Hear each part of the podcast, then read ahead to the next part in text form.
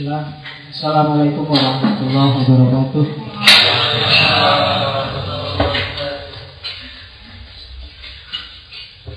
Bismillahirrahmanirrahim. Alhamdulillahirabbil alamin. Wassalatu wassalamu ala asyrafil anbiya'i wal mursalin.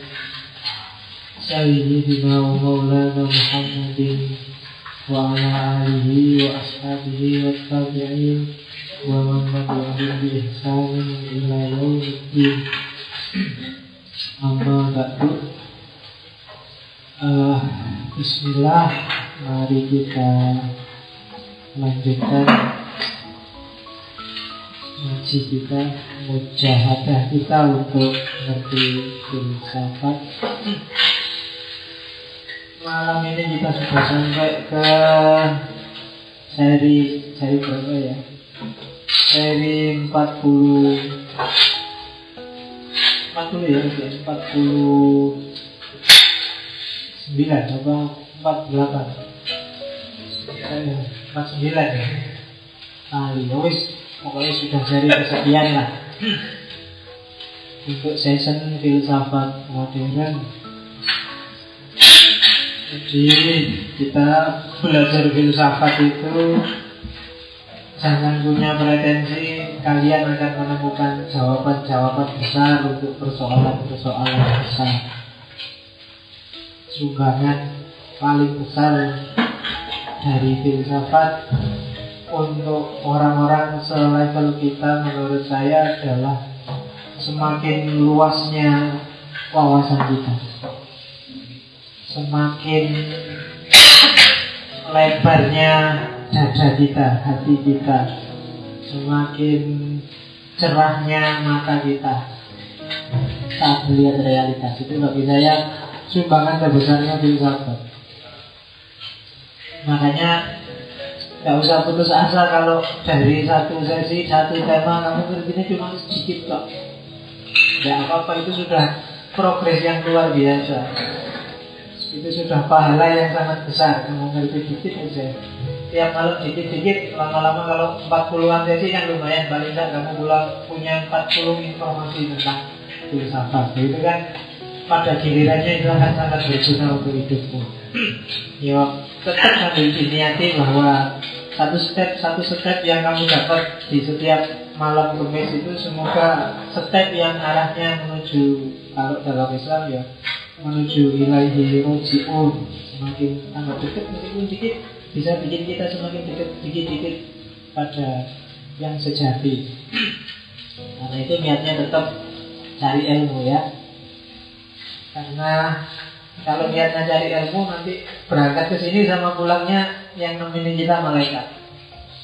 Katanya kan gitu kalau kita cari ilmu, malaikat akan di belakangmu sambil menutupi kamu dengan sayap-sayapnya. Kan indah, jadi tenang aja kamu dikandang malaikat. Bismillah, malam ini kita lanjutkan di filsafat barat. Kita ketemu salah satu pionir tokoh besar yang jarang dibahas. Padahal dia sangat berpengaruh melahirkan peradaban modern dan dia sangat berpengaruh khususnya di era pencerahan Perancis. Eropa dan Barat diizinkan oleh Allah sampai hari ini untuk mendominasi dunia filsafat dan dunia ilmu pengetahuan pasti ada rahasianya. Maka tugas kita untuk mencari apa sih kira-kira rahasianya. Kenapa kok Allah mengizinkan mereka kok menang terus? Kita kok kalah terus sudah tujuh abad lebih. Apa Allah nggak sayang kita? Atau jangan-jangan Allah lebih Allah lebih terpesona dengan mereka lebih daripada sama kita. Maka kita cari rahasianya ada di mana sih? Kita kan tiap hari sering maki-maki mereka, ngeritik-ngeritik mereka, tapi toh sampai hari ini mereka masih leading. Mereka masih menang. Jangan-jangan ada rahasianya yang bikin Allah kepincut terus sama mereka. Padahal mereka nggak sholat, padahal mereka nggak puasa, nggak urunan untuk kurban. Iya. Kok Allah itu sayang terus ya sama mereka Jangan-jangan kamu kan untuk menghibur diri Oh enggak itu cuma dulu Biar senang dulu Nanti di akhirat kita yang senang Iya Akhirat itu enggak mesti Yang yang jelas di dunia mereka sudah senang Kalau di akhirat enggak senang itu imbang Tapi kita kan di dunia sudah sengsara Di akhirat enggak mesti Iya jadi Jatuhnya jadi enggak enak terus Ah, kita lihat ada apa sih? Kok nalar gaya berpikir modern ini masih leading? Hari ini orang sudah ribut tentang postmodern, tapi tetap di segala ini kehidupan yang jalan adalah nalar cara hidup mode yang namanya modern dengan segala gayanya. Dan pelopor yang utama di era pencerahan Enlightenment of Clarun dua abad setelah Renaissance itu Voltaire Voltaire ini ada yang menggelari The Fountainhead of Enlightenment and the intellectual spearhead of the French Revolution itu gelarnya jadi dia mata airnya, sumbernya pencerahan dan apa ujung tombak intelektual dari revolusi Perancis. Jadi pencerahan itu sekitar abad 16 sampai 18 kemarin sudah diceritain ya diawali dari Itali terus geser ke Inggris dari Inggris geser ke Perancis, nanti puncaknya di Jerman. Itali dengan Renaissance-nya, Inggris menonjol nanti dengan empirisismenya David Hume dan kawan-kawan, Perancis dengan rasionalismenya diawali oleh Descartes, dan nanti Jerman dengan idealismenya dipuncaki oleh Kant sebelum didahului oleh Hegel. Itu alur tradisi besar filsafat modern. Saya ngomong Voltaire, mungkin minggu depan kita masuk ke modus besar dalam filsafat modern yaitu positivisme. Setelah itu saya harus ngomong dikit tentang kapitalismenya Adam Smith filsuf besar yang nanti setelah itu baru kita kritikan, kita benturkan sama Marxisme. Nggak boleh ditinggal juga Darwin plus nanti juga nggak boleh ditinggal juga Freud. Jadi Marx, Freud, Darwin kemudian Agus Comte dan kawan-kawan di positivisme ini kan nanti yang membentuk nalar modern yang kita ikuti sampai hari ini. Cuma untuk sebelum orang-orang itu kita harus kenal pionir-pionirnya dulu. Antara lain si Voltaire ini Kita lihat ada apa dengan Voltaire Revolusi Perancis itu Tema pencerahan Perancis itu secara umum ada tujuh itu. Apa sih yang direvolusi? Yang pertama menantang kekuasaan. Yang kedua menggeser cara berpikir dari cara berpikir serba mitis ala agama menjadi cara berpikir rasional. Kemudian ada optimisme dipelopori oleh Leibniz dan kawan-kawan. Kembali ke alam dipelopori oleh Rousseau dan kawan-kawan. Agama alamnya natural religion itu nanti Rousseau juga punya Voltaire juga punya dan yang terakhir hak asasi manusia ide-ide ini nanti dikembangkan secara luar biasa oleh orang-orang Perancis dan melahirkanlah lahirlah namanya revolusi Perancis. Oh, kalau ada yang tertarik belajar tentang Perancis, banyak buku-buku filsafat bagus ditulis dalam bahasa Perancis. Jadi monggo kalau ada yang mau mendalami filsafat, antara lain silahkan kursus juga bahasa Perancis. Syukur-syukur ditambahi Jerman. Apalagi Inggrisnya sudah matang Wah itu sip sama. Inggrisnya matang Perancisnya mantep Jermannya dalam Wah luar biasa kamu Kamu tidak usah mikir masa depanmu Kamu dicari orang. Beasiswa luar negeri itu berlimpah ruah Cuma kita yang menyambutnya agak gimana gitu merasa Inggris itu lemah Arab kita nggak ngerti Perancis kita heran Ya kan ya Jadi buntu semua Ini soalnya cuma Indonesia Indonesia pun kalau disuruh bikin makalah juga kalimatnya nggak jelas. ya kan? Kalau disuruh presentasi ngomong apa temannya nggak paham. Tapi nanggung kafe. Misalnya bahasa daerah masing-masing, bahasa Jawa, bahasa Madura itu pun bagian misu-misunya aja. Yang bagian halus-halusnya kamu nyerah sudah. Boleh. Oke, Bismillah ya pelan-pelan kayak tadi ya Kita perbaiki pelan-pelan Satu step demi satu step Semakin luas wawasan semakin matang seseorang Kenapa ada ISIS, kenapa ada FPI, kenapa? Mereka semua punya dalil, punya argumen. Cuma kelemahannya itu tadi tidak tuntas.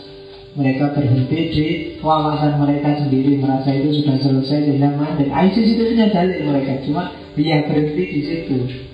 Nah, biar kita gak kayak mereka, tiap hari harus semakin luas, semakin luas wawasan kita. Sehingga semakin matang kita, semakin pintar kita membaca realitas. Baik kauliah maupun kaumiyah.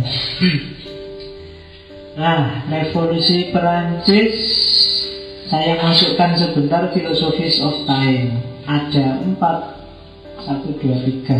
Tiga aliran filsafat yang menonjol ketika Voltaire hidup. Yang pertama jelas rasionalisme.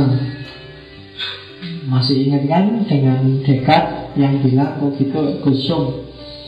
Jadi manusia dengan akalnya saja bisa menemukan kebenaran-kebenaran universal.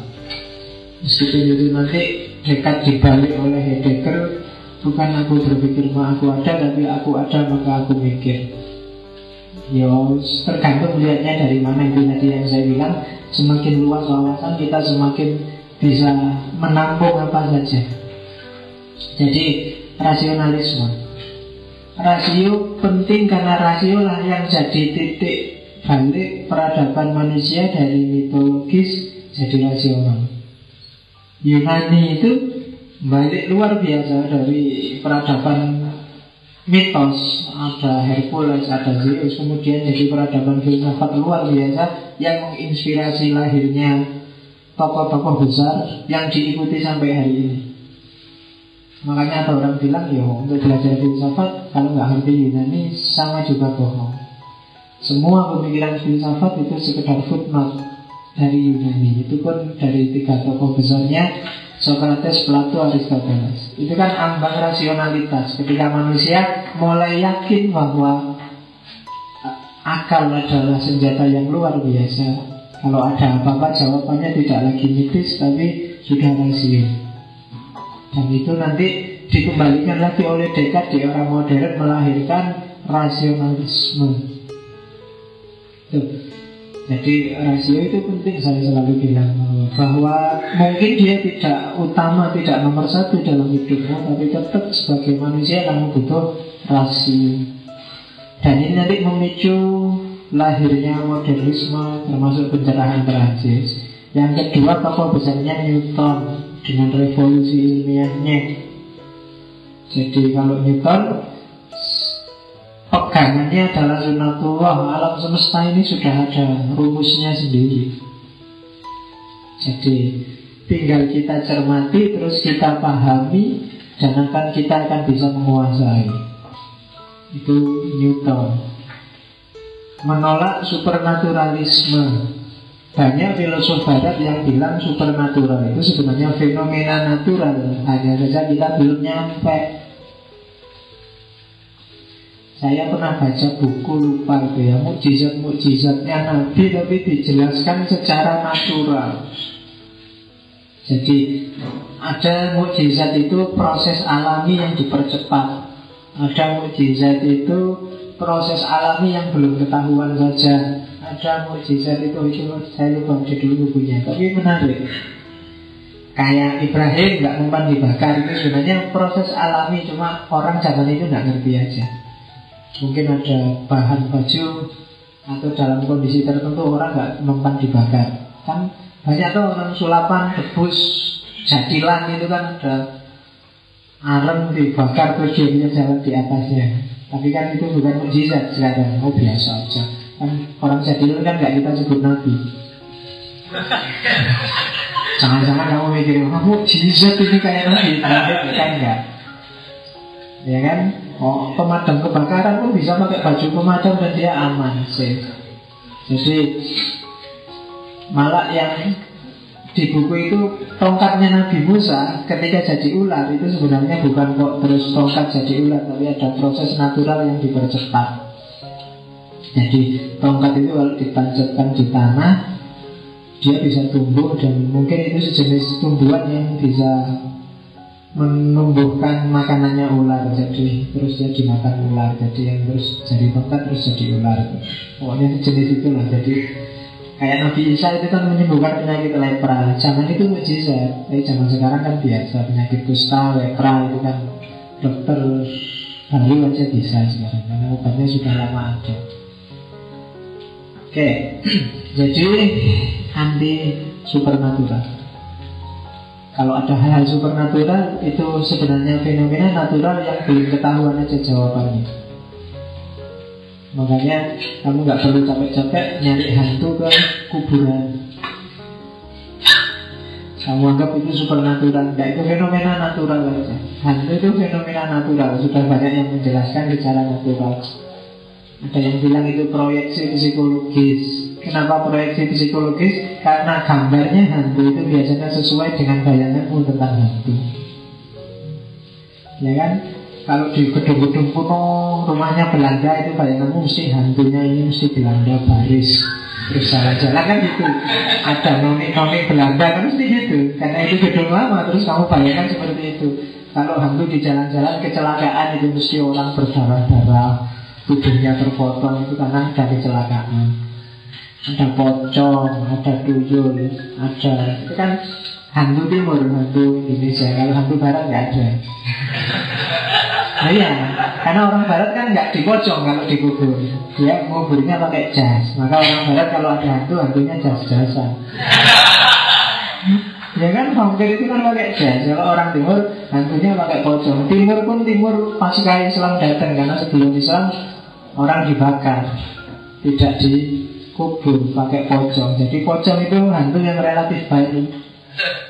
Dulu sebelum Islam ya ada pakai pocong.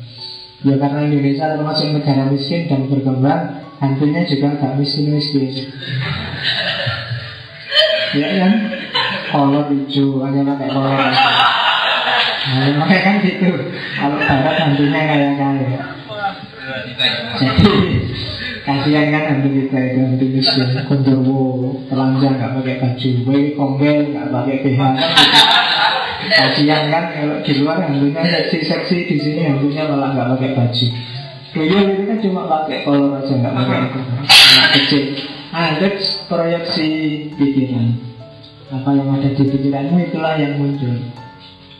Jadi kalau kamu sedang takut, seandainya merasa ini nanti ada hantu mesti bayangkan aja hantunya sih cantik, hantunya sih cantik, nanti munculnya cakep beneran. Kalau kamu takutnya, oh ini mesti wajah berdarah-darah ya keluar beneran proyeksi pikiran. Teorinya nanti psikologi, mungkin kita agak ketemu yang gitu-gitu nanti di Freud. Sigmund Freud ketika bahas tentang psikologisme. yang kedua Zaman itu yang berkembang adalah deisme. Deisme itu orang yang menganggap eh Tuhan ada sih katanya orang deis. Cuma tugasnya Tuhan adalah menciptakan alam semesta. Dia adalah first cause sebab pertama. Dia adalah pencipta. Tapi setelah dia menciptakan tugasnya selesai.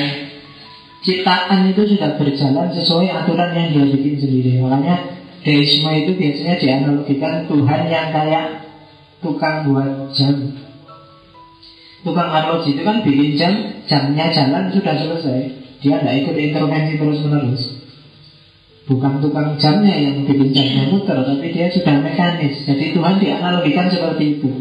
Jadi Tuhan itu setelah dulu menciptakan dunia, dunianya selesai Tuhan pulang. Sekarang sampai-sampai di rumahnya nonton TV nonton sepak bola. Besok ketika kiamat baru kita dihisap ngapain aja kamu waktu tak tinggal kan gitu. Itu deisme. Jadi Tuhan mungkin sekarang sedang ngawasi kita tapi dia nggak ikut-ikut. Sudah ada hukumnya sendiri. Kalau kamu males ya kamu bodoh. Kalau kamu nggak rajin ya kamu nanti susah. Kalau kamu nah itu namanya cara berpikir deistik ya kan? kamu berdoa seperti apa pun kalau nggak berusaha ya nggak akan jalan. Tuhan nggak akan intervensi kok. Yang Tuhan semoga nilaiku A tapi kamu nggak pernah belajar kamu nggak pernah ke rumah dosennya bawa salah 5 kilo. Kamu nggak pernah ya nggak mungkin kamu dapat A.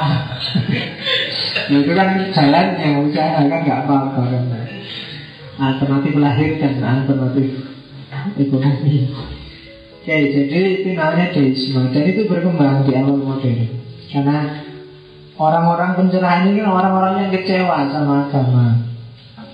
Agama yang menghegemoni. Orang nggak boleh mikir orang nggak boleh ngapain aja agama mencengkeram maka mau tidak percaya Tuhan itu buktinya banyak. Wong secara rasional alam ini nggak mungkin serba kebetulan.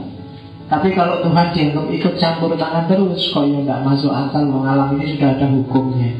Dan Tuhan nggak akan mengkhianati hukumnya sendiri.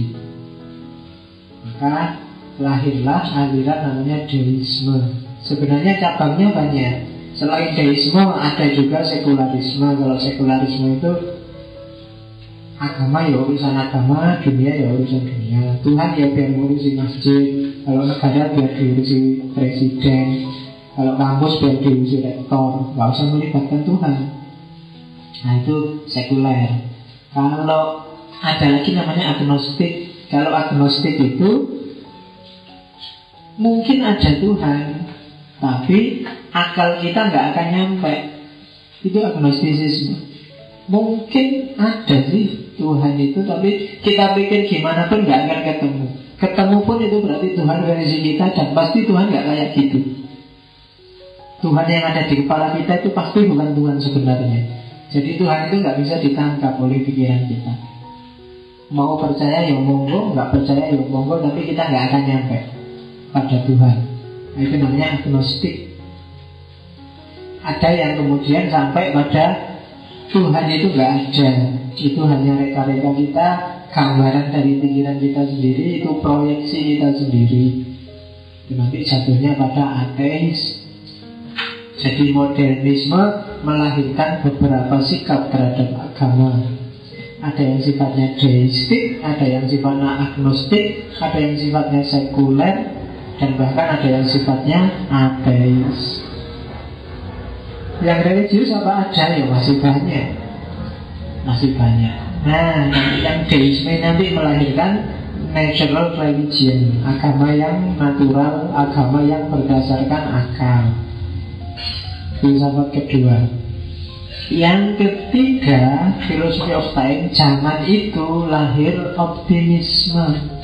Yang tadi tak sebut optimisme kebudayaan. Jadi optimisme ini bilang bahwa kalau manusia sudah mendaya gunakan akalnya,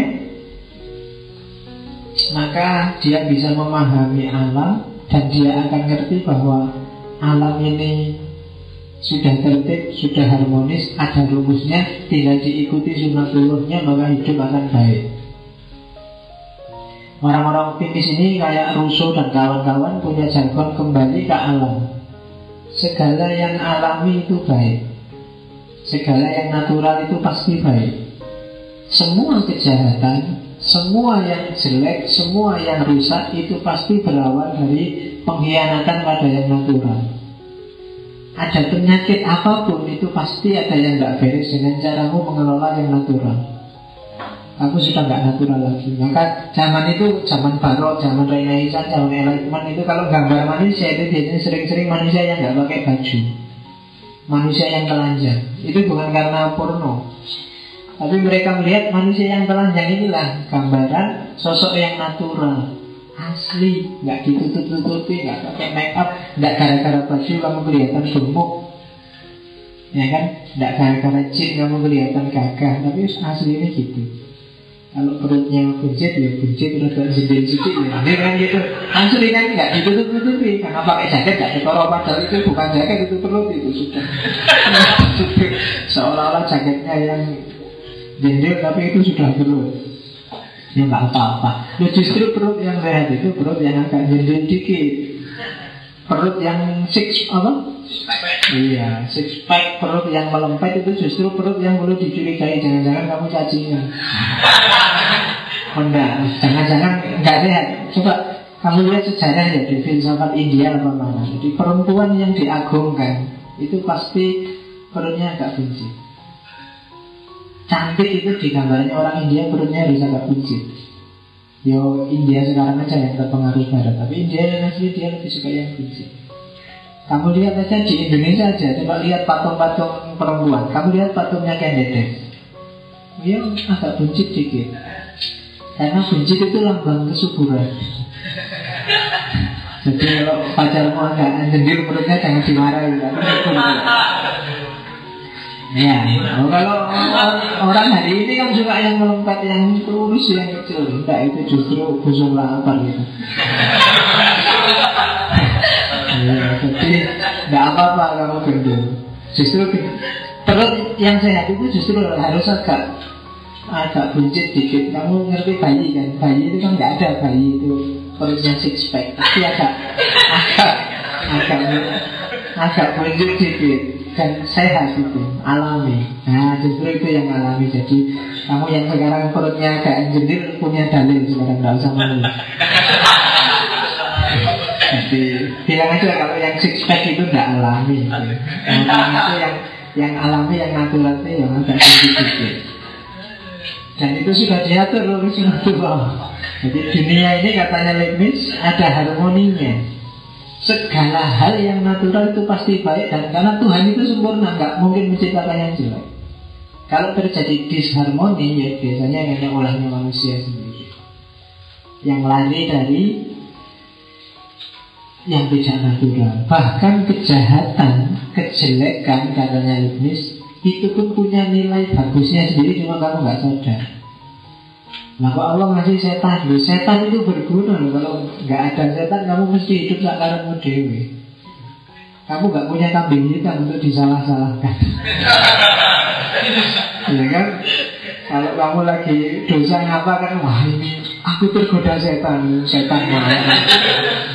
Setannya nggak ngapa-ngapain dia aja kamu sendiri nah, itu karena kamu lari dari yang natural natural aja nggak apa-apa bahkan yang jahat sekalipun ada fungsi. Bakteri aja kan ada fungsinya.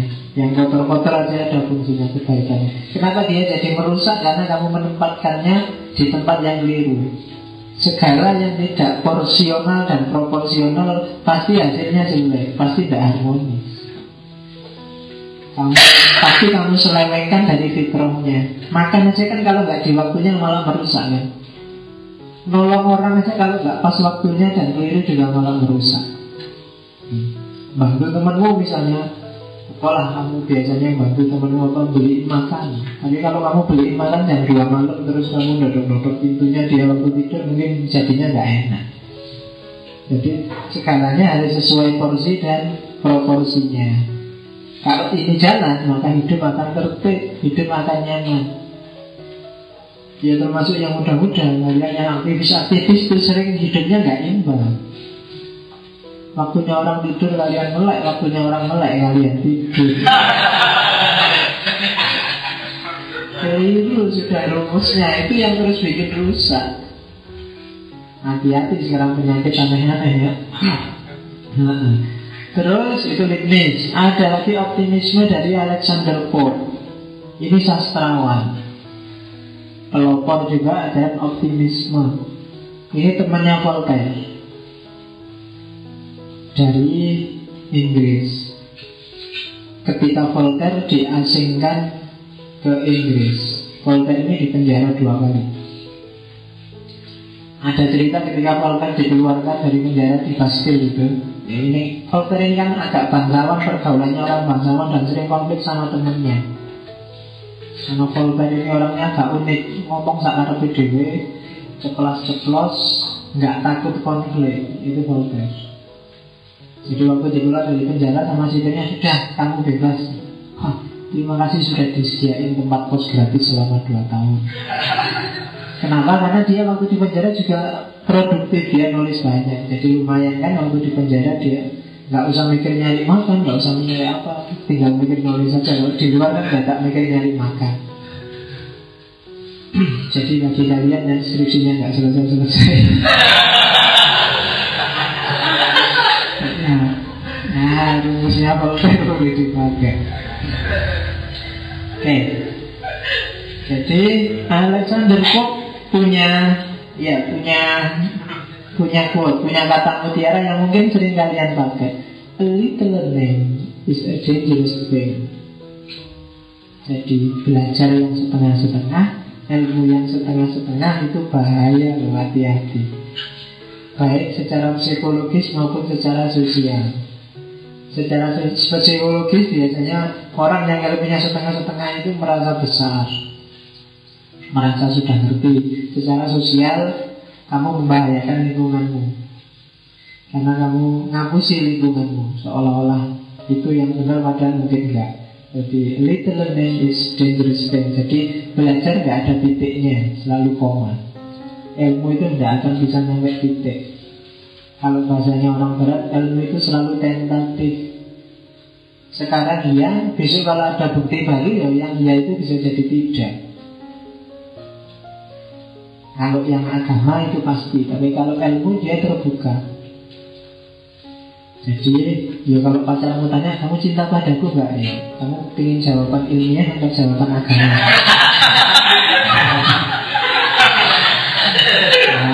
Jawaban ilmiah itu sekarang iya cinta, tapi besok kalau ada yang baru yang lebih jelas ya, aku ganti. Itu ilmiah, karena ilmiah itu terbuka pada bukti yang baru. Dia tidak bisa mandek selalu koma. Tidak bisa tidur Whatever is, is right. Apa pun yang apa adanya itu bagus. Nggak dibuat-buat. Alami Whatever is, is right Pingin ketawa ya ketawa aja Pingin nangis ya nangis aja Sedih ya sedih aja Merenggut ya merenggut aja Kalau sekarang kan banyak yang palsu Apalagi kalau kalian jadi penerima tamu itu kan kamu dipaksa senyum mulai acara dimulai sampai acara selesai. ya. Jabatan yang paling saya tidak suka itu menerima tamu. Kamu meringis terus waktu sama ganti itu berjam-jam sampai tamunya habis kamu harus ketawa terus. Tidak enak. Jadi sampai detik ini kalau ada teman-teman yang mantu terus minta Bapak Is, tolong jadi menerima tamu, mesti tak tolong. Alasan yang pertama itu tadi saya tidak kuat, harus senyum terus berjam-jam satu dua jam dunia kita tidak kuat alasan yang kedua aku khawatir nanti dipakai belambang dipakai surjan kayak orang Jawa itu terus jadi anak kecil yang main-main pada itu. Jadi tak salah nggak salah mending yang lain. Oke jadi itu Alexander Pope. Dan yang ketiga Rousseau. Ya Rousseau ini yang dikenal sebagai salah satu pelopor romantisisme jargonnya ya back to nature kembali ke alam jadi manusia itu alami waktu lahir itu alami. Ingin nangis ya nangis aja ingin ketawa ya ketawa aja. Lingkungannya yang bikin terus jadi gak alami. Dirusak dididik diperintah gitu. Karena waktu lahir kan anak kecil itu kan spontan. Suka ya bilang iya nggak suka ya bilang enggak tapi orang dewasa ketika dia besar sudah mulai, eh itu nggak boleh, gini nggak boleh, itu nggak boleh, selesai sudah. Alam itu jadi hilang. Dan itu yang oleh Rizal kita rugi. Jadi manusia itu alami sampai dia kemudian dirusak oleh lingkungannya, oleh pendidikannya, oleh pemerintahnya. Apa salah lingkungan? Apa salah anak dididik? Apa salah ada pemerintah? Tidak salah, tapi kecenderungannya pemerintah itu merusak, pendidikan itu merusak, lingkungan itu merusak. Selama sejauh yang diketahui oleh Rousseau. Jadi seandainya harus tetap ada lingkungan, harus tetap ada pendidikan, harus tetap ada pemerintahan, pemerintah, lembaga pendidikan, lingkungan itu harusnya pro pada yang alami-alami, yang natural-natural. Kalau bahasanya agama harus tidak melawan fitrah. Nah itu aliran yang namanya optimisme. Oke, nah ada rasionalisme, ada optimisme, ada deisme. Dan dari situlah, dari kancah itulah nanti lahir Voltaire. Mulai tahun 1694 sampai 1778 agak panjang umurnya ya sekitar 8 80-an itu cirinya salah cirinya Voltaire adalah dia rasional skeptis. Filosof itu rata-rata skeptis. Filosof yang nggak skeptis itu biasanya filosof yang terus jadi teolog. Skeptis itu selalu bertanya, tidak gampang puas dengan jawabannya yang ada. Filosof yang rasional skeptis ya, filosof yang selalu menggugah apa iya sih? Harus begitu apa iya sih kok sampai segitunya? Itu skeptis. Terus perjuangannya Voltaire ya perjuangan rasionalitas pengetahuan melawan ketidaktahuan. Akal melawan tahayul skeptis melawan dogmatis melawan teologis jadi Voltaire ini agar manusia memperbanyak wawasannya sedalam mungkin untuk membunuh yang namanya ketidaktahuan. Kalau bahasa Inggrisnya ignorance. Ignorance itu nggak sekedar nggak tahu, nggak tahu tapi cuek. Kalau bahasanya yang Syafi'i nggak tahu tapi nggak tahu kalau dia nggak tahu. Itu ignorance. Ini bahaya ya. Berarti orang ini bodoh tapi sombong. Merasa dia minder nggak tahu, tapi dia nggak sadar kalau dia nggak tahu. Dijelaskan yang benar pun kadang-kadang ngeyel, masih merasa, yo aku yang benar. Nah itu ketidaktahuan. Yang kedua akal melawan takhayul karena perjuangannya Voltaire adalah perjuangan melawan dominasi agama, dominasi gereja zaman itu. Agama itu kan banyak berisi takhayul tahayul mistisisme bahasa Jawanya klenik. Jadi reason melawan supervision. Jadi tahayul itu kayak Yunani, kayak peradaban pra Yunani yang filosofis. Peradaban yang dimulai sekitar 500 tahun sebelum Masehi. Itu peradaban mistis, peradaban mitologis. Peradaban takhayul Menjawab segala persoalan dengan mitos. Kenapa kok nggak boleh ke Parangtritis pakai baju hijau Biar kalau gitu nggak marah? Itu kan menjawab persoalan dengan mitos. Kalau ada perempatan, kemudian di situ banyak sekali kecelakaan, kira-kira jawabannya apa? Nah, di situ banyak hantunya, itu jawaban mitos. Sehingga kalau kamu lewat situ biar nggak kecelakaan terus kamu ngebel, ini masa nggak tahu mobil itu berarti pamit biar penunggunya tahu kalau ada yang lewat atau gitu saya nggak ngerti. Lah mobil kan kayak gitu. Nah kalau kalian masih percaya kayak gitu berarti peradaban kita masih peradaban mitos. Berarti kita hidup 500 tahun sebelum masehi nah, zaman Yunani dulu kan sekarang masih masih masih kayak gitu ya kita masih masih banyak yang mitos-mitos. Zaman saya kecil dulu kalau ada hujan, ada kilat, terus ada geledek besar itu Simba saya cerita. Jadi ada setan-setan itu juga kan nyari berita di langit.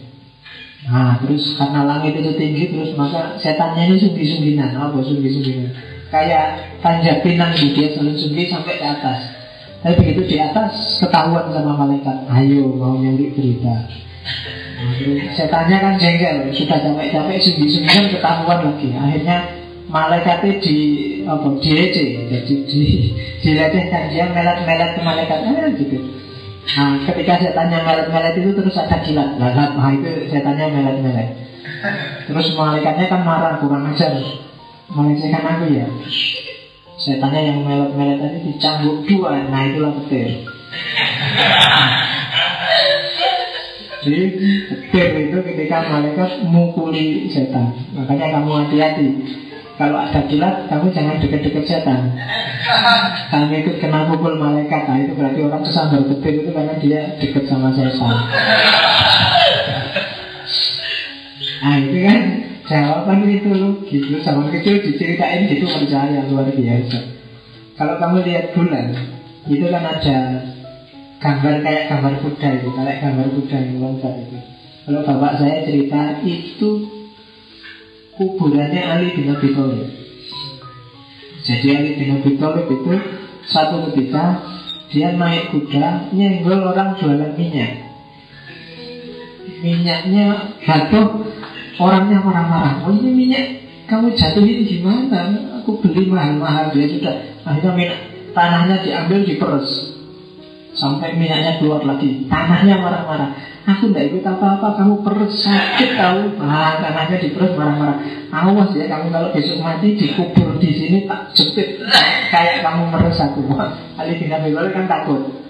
Jadi begitu Ali meninggal pesan ke anaknya, nanti kalau aku meninggal jangan dikubur ya. Takut aku nanti kalau diperes. Nah begitu Ali meninggal ditaruh di kuda, kudanya ditepuk, walah terus loncat sampai bulan itu. Maka di bulan itu ada gambar kayak kuda itu.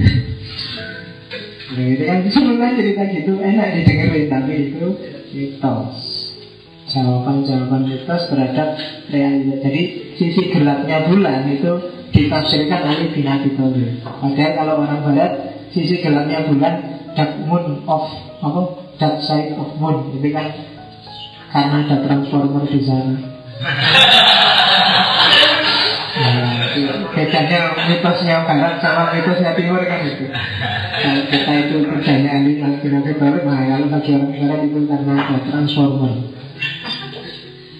Nah itu perjuangannya Voltaire antara lain. Ayolah, kita dulu sudah bagus.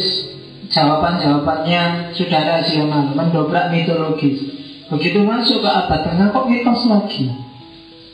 Sekarang mitos-mitosnya pakai agama lagi pakai zat super power namanya Tuhan itu dasar lagi nggak bisa dibantah nah, terus dia memperjuangkan pakai akal manusia itu dibalik akal dan yang ketiga skeptis pada dogma. Karena dogma itu mandek sementara hidup ini dinamis. Dogma mungkin benar tapi tidak selalu relevan. Ini agak susah menjelaskannya. Mungkin benar bisa ya bisa enggak. Kamu yakin benar ya, tapi relevansinya harus selalu dicari.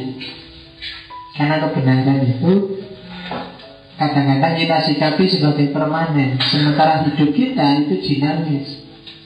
Jadi yang mandek sementara yang dibahas ini adalah yang jalan. Antara yang mandek sama yang jalan harus harus imbang. Nah itu yang harus akal harus jalan di situ. Voltaire kenapa dia terkenal populer luar biasa karena dia dalam tulisan-tulisannya sering pakai gaya satir. Satir itu apa ya? Melecehkan satir itu semakin untuk menggugah orang itu terus orangnya jelek, wah kamu cakep, cakep ah, itu satir. Ya dia satir pada agama dan fanatisme fanatisme apa pun dia satir pada pemerintah, pada kelompok bangsawan, dia satir pada filosofi optimisme. Jadi filosofi optimisme tadi bangsa Rousseau, bangsa Leibniz itu diketawain oleh Voltaire. Kita lihat nanti belakangan apa sih yang ada di pikirannya Voltaire. Ke sini dulu, biar kamu kenal. Itulah wajahnya Voltaire. Nama aslinya François Mary Arouet Bacanya gitu Makanya kamu belajar Perancis dikit-dikit Atau Ya Yo, kamu ingat kita aja ucapan tuh nanti diulang ya. François Mary Arouet Namanya Voltaire itu nama penanya kalau dia nulis. Jangan salah, Voltaire itu François Marie Arnaud itu punya 175 nama pena. Bayangkan ya, berapa jumlah tulisan itu dilihat. Tak tulis semua atribut yang dilekatkan orang pada Voltaire. Dia penulis, dia satiris, dia satiris itu karena karya-karyanya selalu satir Sejarawan, banyak tulisannya tentang sejarah. Filosof, kritikus. Terutama dari gereja. Yang diperjuangkan adalah kebebasan beragama Kebebasan berpendapat Dan pemisahan agama dan negara. Sekularisme.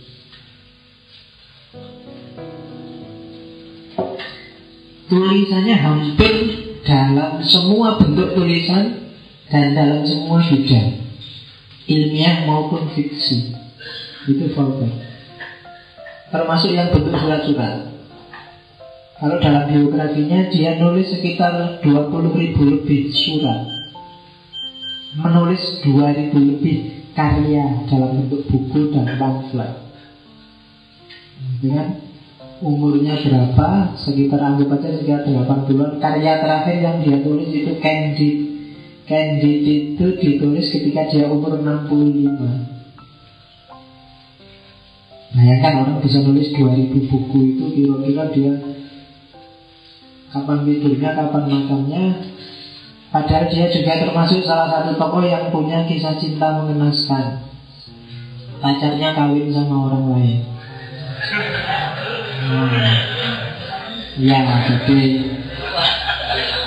Ya, ya, kalian yang sampai diputus sama pacar tenang aja, siapa tahu besok jadi korban. Hmm. Dan dia terkenal jenis Casanova, suka gonta-ganti perempuan, meskipun dia cinta sejatinya lepas. Itu Voltaire. Punya 175 nama pena, yang paling terkenal ya Voltaire itu tadi. Orangnya unik Kalau ngomong sembarangan Suka melecehkan orang Ceplas-ceplos Jeleknya dibilang jelek Wah, Khas luar biasa Sering dipukuli orang Sampai masuk penjara dua kali. Hampir semua tulisannya Pernah dicekal. Karena ya itu mau melecehkan agama Melecehkan pemerintah. Menertawakan filsafat Makanya tadi tak bilang gayanya satir. Gaya satir itu Kadang ada lima gaya satir itu. Ada generalisasi Ada pembalian Ada penyesatan logika Ada parodi Ada berlebih-lebihan. Itu satir Ada generalisasi. Generalisasi itu Dianggap sama semua. Joe, boy Kan gitu itu generalisasi. Indonesia ramah kan gitu itu dianggap semua Indonesia ramah-ramah. Jadi itu tujuannya melecehkan kayak saya waktu ketemu orang Malaysia itu kan pokoknya bagi orang Malaysia semua orang Indonesia itu Indon. Nah, Indon itu sebutan yang melecehkan kan kalau di Malaysia Indon itu ya pokoknya levelnya TKW lah. Nah itu generalisasi. Pokoknya dianggap sama semua. Aslinya mana mas? Madura. Ah Madura. Nah itu generalisasi. Sudah terkabar di kepalamu Madura itu apa? Itu generalisasi. Kadang-kadang satir pakai gaya generalisasi Terus Kebalikan. Melecehkan itu bisa jadi pakai kebalikannya gitu. Ibumu berapa sekarang? IP saya pak. 1,2 pak. Wah top sip sip sip jadi meskipun ngomong top sip itu kan tidak muji itu, itu melecehkan itu itu itu jenis satir kamu tiap hari makannya apa? Saya makannya tempe pak. Wah sehat, sehat Tenang aja, sehat tempe itu. Nah itu kan kayak muji aja, jadi melecehkan Apalagi ngomongnya sambil ketawa-ketawa kecil. Itu namanya reversal atau pakai logika yang sesat oh itu banyak. Nanti belajar logika ya. Banyak logika logika itu sesat. Jadi bulat tapi ujungnya rumit. Ujungnya itu balik sendiri. Gitu. Misalnya bilang semua orang desa itu pembohong. Nah itu kan balik sendiri dengan Nah sampai yang ngomong orang mana? Saya juga orang Indonesia, loh berarti saya juga pembohong. Loh itu kan bulat, bulatnya di mana? Kalau saya saya juga pembohong, berarti yang tak omongkan kan bohong. Kalau yang tak omongkan bohong, berarti kan kebalikannya. Kalau saya ngomong semua orang Indonesia bohong, berarti kan kebalikannya. Berarti semua orang Indonesia jujur. Loh, tapi saya juga Indonesia kan? Ya berarti aku termasuk yang jujur dong. Nah kalau aku yang jujur berarti yang tak omongkan tadi benar semua orang Indonesia pembohong kayak bulat kan. Nah itu logika yang sesat. Banyak logika-logika yang sesat. Kalau kalian nggak hati-hati bisa kejebak. Setiap manusia mati, saya manusia saya mati. Kalau itu mesti benar. Tapi kalau setiap bapak adalah laki-laki, saya laki-laki, maka saya hmm, salah logikanya makanya. Kamu, ya kapan-kapan kita ada sekolah mantek ya, biar nggak keliru mikir. Kamu sering ditipu kalau di TV-TV juga begitu. Kadang-kadang level omongan aja menentukan. Misalnya artis diwawancara, apa wis dangdut, artis dangdut goyang seronok diwawancara, Mbak kok mau sih goyang seronok kan nggak boleh. Secara moral kan merusak. Ngapain sih ngurusin saya? Urusi dong yang besar-besar. Korupsi pemerintah DPR yang curang. Saya cuma banyak aja diurusi. Nah itu kan jawabannya seolah-olah benar tapi ini keliru secara logika. Karena level ngomongnya beda sudah. Nah itu sering nah itu salah satu jenis satir itu kadang-kadang bermain-main dengan logika. Nah. ada juga parodi kalau parodi kalian kenal lah. Bikin fragmen lucu untuk nyindir dibikin lucu-lucuan. Ya mungkin cerita tentang orang Jawa cerita tentang orang Madura itu sering sering jenisnya parodi itu sebenarnya satir untuk nyindir. Entah yang disindir Maduranya atau justru orang yang bukan Madura. Misalnya dulu hati-hati loh Suramadu itu tidak akan awet karena sebentar lagi besinya mesti hilang semua. Nah itu kan itu kan nyindir satir jadi cerita itu parodi. Bikin cerita lucu untuk ngomong tentang realitas ada juga yang understatement atau overstatement. Jadi, itu berlebihan. Kalau understatement itu bikin pernyataan mengecilkan. Kalau overstatement itu bikin pernyataan melebihkan. Understatement itu misalnya mari silahkan mampir ke gubuk saya nah itu understatement kalau overstatement itu tenang aja, semua orang mendukung Anda. Ya, itu overstatement. Jadi membesar-besarkan rakyat di belakang kita, Pak, tenang aja. Itu overstatement. Jadi dari mana ngerti rakyat di belakang kita itu? Kapan penelitiannya? Kan nggak ada. Nah, itu overstatement berlebih-lebihan. Nggak mungkin lah. Lu di TV itu kan banyak. Kalau sama musuhnya di understatement, sama dirinya sendiri di overstatement membesarkan dirinya, melecehkan yang lain. Nah itu jenisnya latih exaggeration, analogy, incongruity, reversal, generalization. Yang ngerti sastra pasti ngerti. Dan memang Voltaire ini lebih dikenal di dunia sastra. Meskipun ketika dia masuk ke dunia sastra dimarahi habis-habisan sama orang tuanya. Katanya bapaknya, Le, Sastra itu kerjaannya orang yang males Nanti dia membebani keluarga dan akhirnya mati kelaparan Jadi jangan mengandalkan pekerjaan jadi sastrawan Menulis itu nggak bisa dijadikan andalan. Nah itu marah-marahnya bapaknya. Ya masuk akal. Cuma kan Voltaire bukan cuma penulis. Karena dibalik sisi penulisnya dia orang yang sangat berkualitas. Jadi dia selalu ada dalam semua pertemuan-pertemuannya para filosof, pertemuan-pertemuannya para bangsawan. Karena dia memang sangat terkenal pada zamannya. Jadi suatu ketika dia ada pertemuan kelompok apa? Pokoknya kelompok yang suka telanjang, kelompok nudis.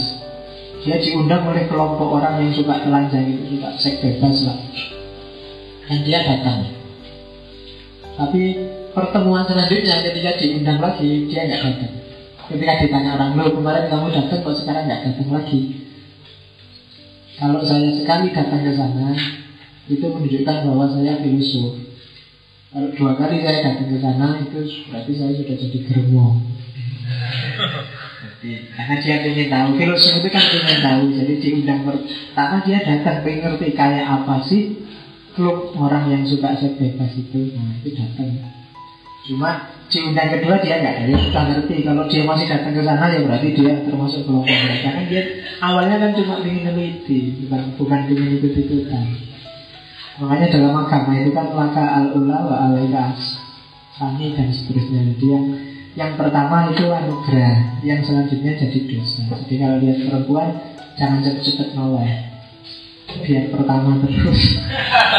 kalau cepet-cepet noleh sudah jadi kedua sudah nggak boleh. Begitu lihat kamu pantengin terus. Nah, begitu kamu noleh sudah jadi yang kedua sudah nggak boleh. Oke, okay. Yang paling terkenal adalah kanji. Ini bisa kamu cari di internet tapi yang bahasa Inggris.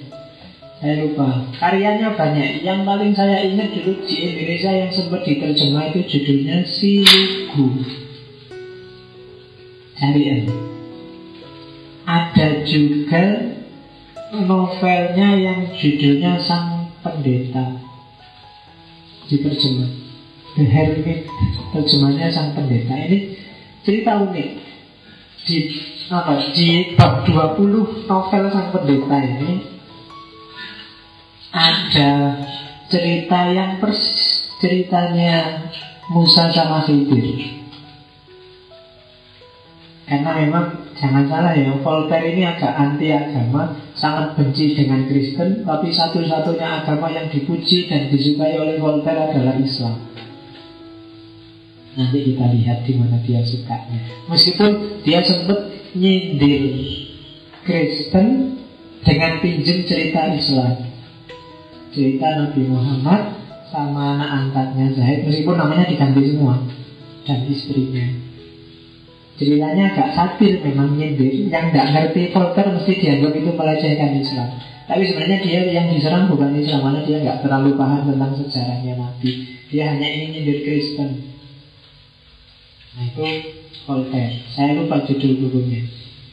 Tapi yang jelas dia salah satu filosof yang senang sama Islam. Kalau bagi Voltaire Islam itu unik. Islam itu care pada umatnya. Buktinya Hampir semua hal diurusi oleh Islam Mulai kamu kencing, kapan caranya kencing, caranya mandi, caranya kawin, caranya itu dibahas oleh Islam. Itu kalau kan senang, itu berarti sangat peduli pada umatnya. Apa aja diatur Kemudian dahsyat. Tidak lama dalam perkembangannya sudah menguasai hampir dua per tiga dunia. Nabinya juga luar biasa uniknya Voltaire. Meskipun agama dia terang-terangan nyebut agama yang paling saya benci adalah Kristen. Ya karena memang dia orang Kristen mengalami peristiwa banyak peristiwa nggak enak berdasarkan agamanya sendiri dan beberapa kita sebut. Yang paling terkenal dari karyanya Candide. Candide ini novel yang yang tak bilang tadi ditulis saat dia umur 65 tahun nulisnya hanya dalam waktu tiga hari. Nah, ya kan? Tiga hari nulis novel dan isinya dasar luar biasa.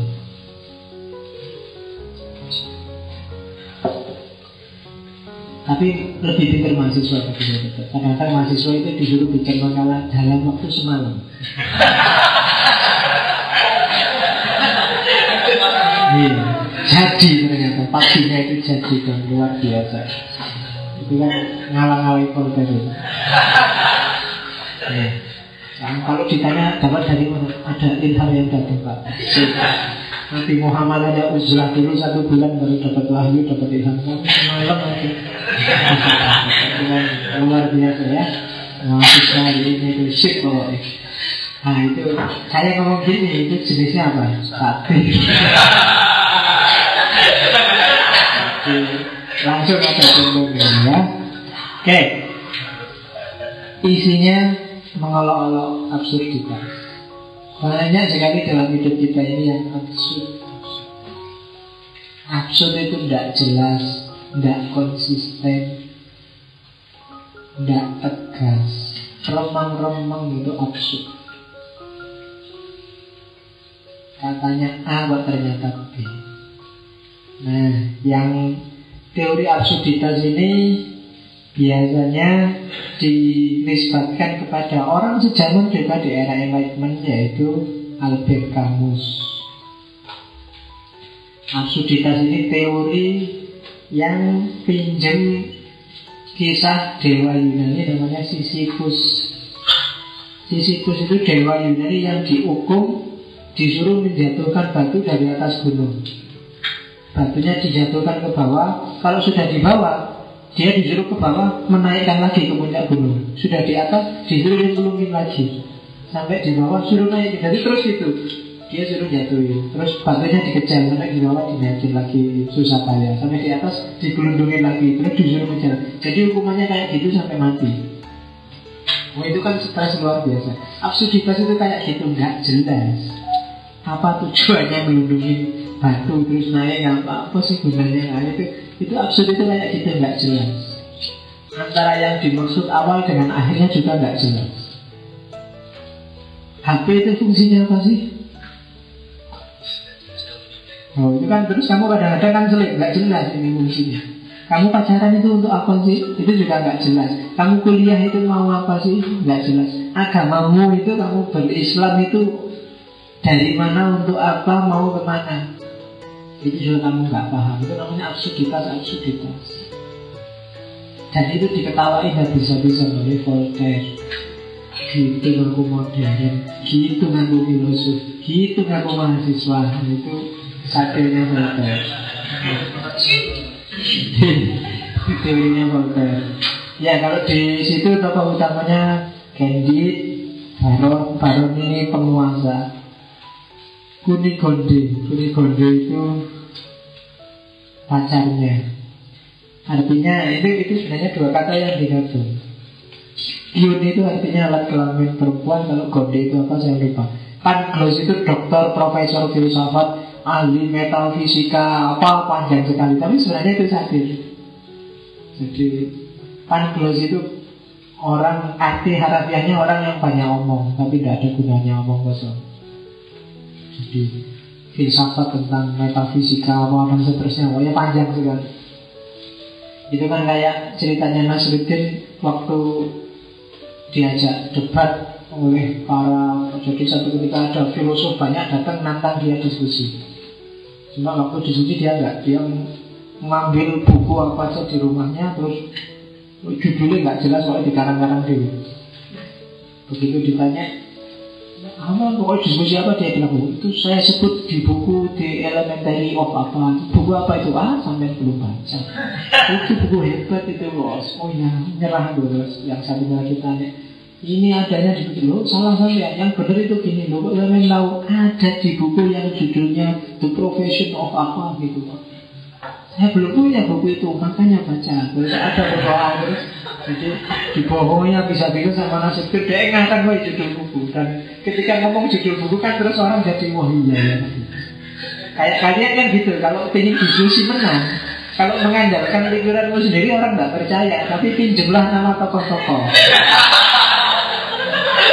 Ya kan, pinjemlah judul-judul buku, foto-foto. Yakinlah mereka juga nggak ngerti isinya buku itu apa. Iya, jadi ngomong aja, kamu kok ngomong gitu? Saya sudah baca di filsafat barat dan timur. Wah, halaman sekian ngomong gitu, mesti temenku sudah ngepen.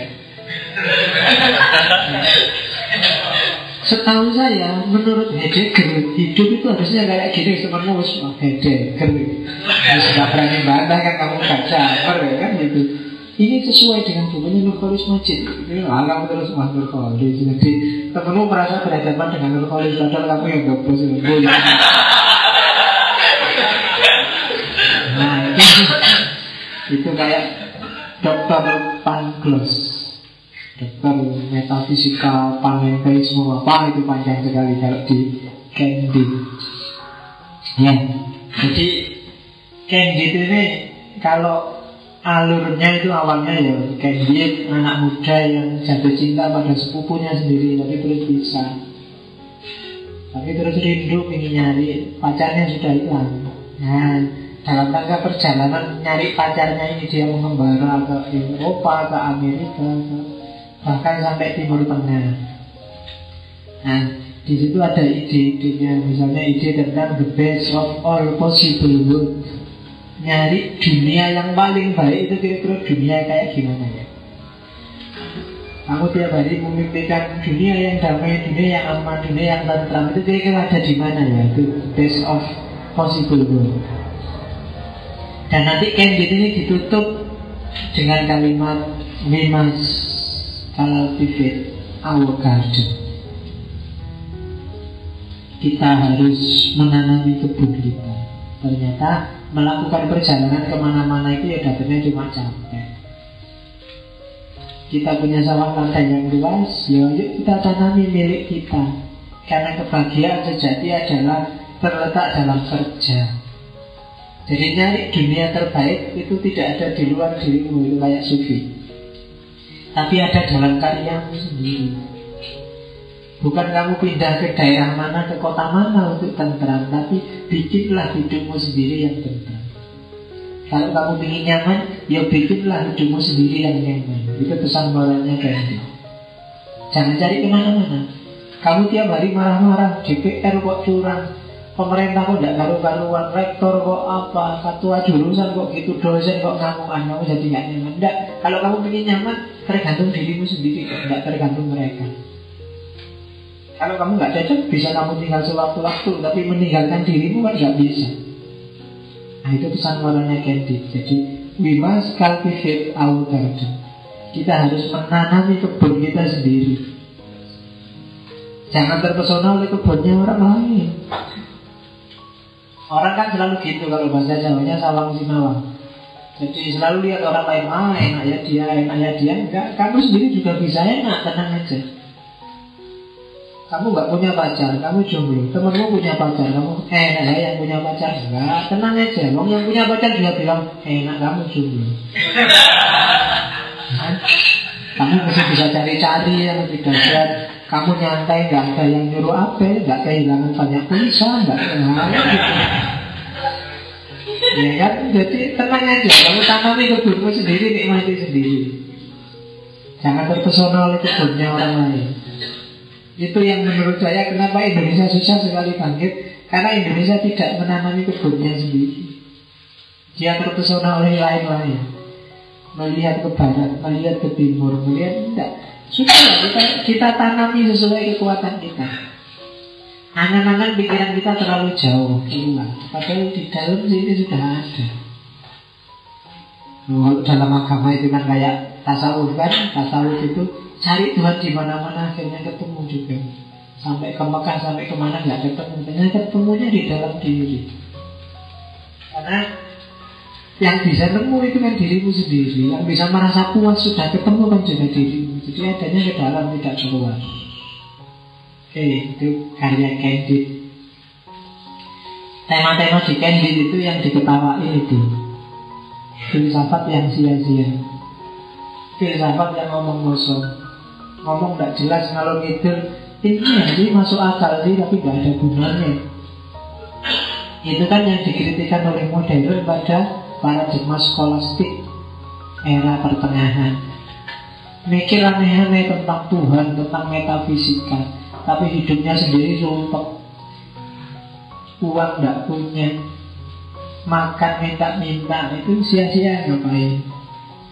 Jadi filsafat banyak yang sia-sia, banyak yang berakhir di omong kosong. Dan itu yang coba ditabrak oleh paradigma modern yang cenderung pragmatis.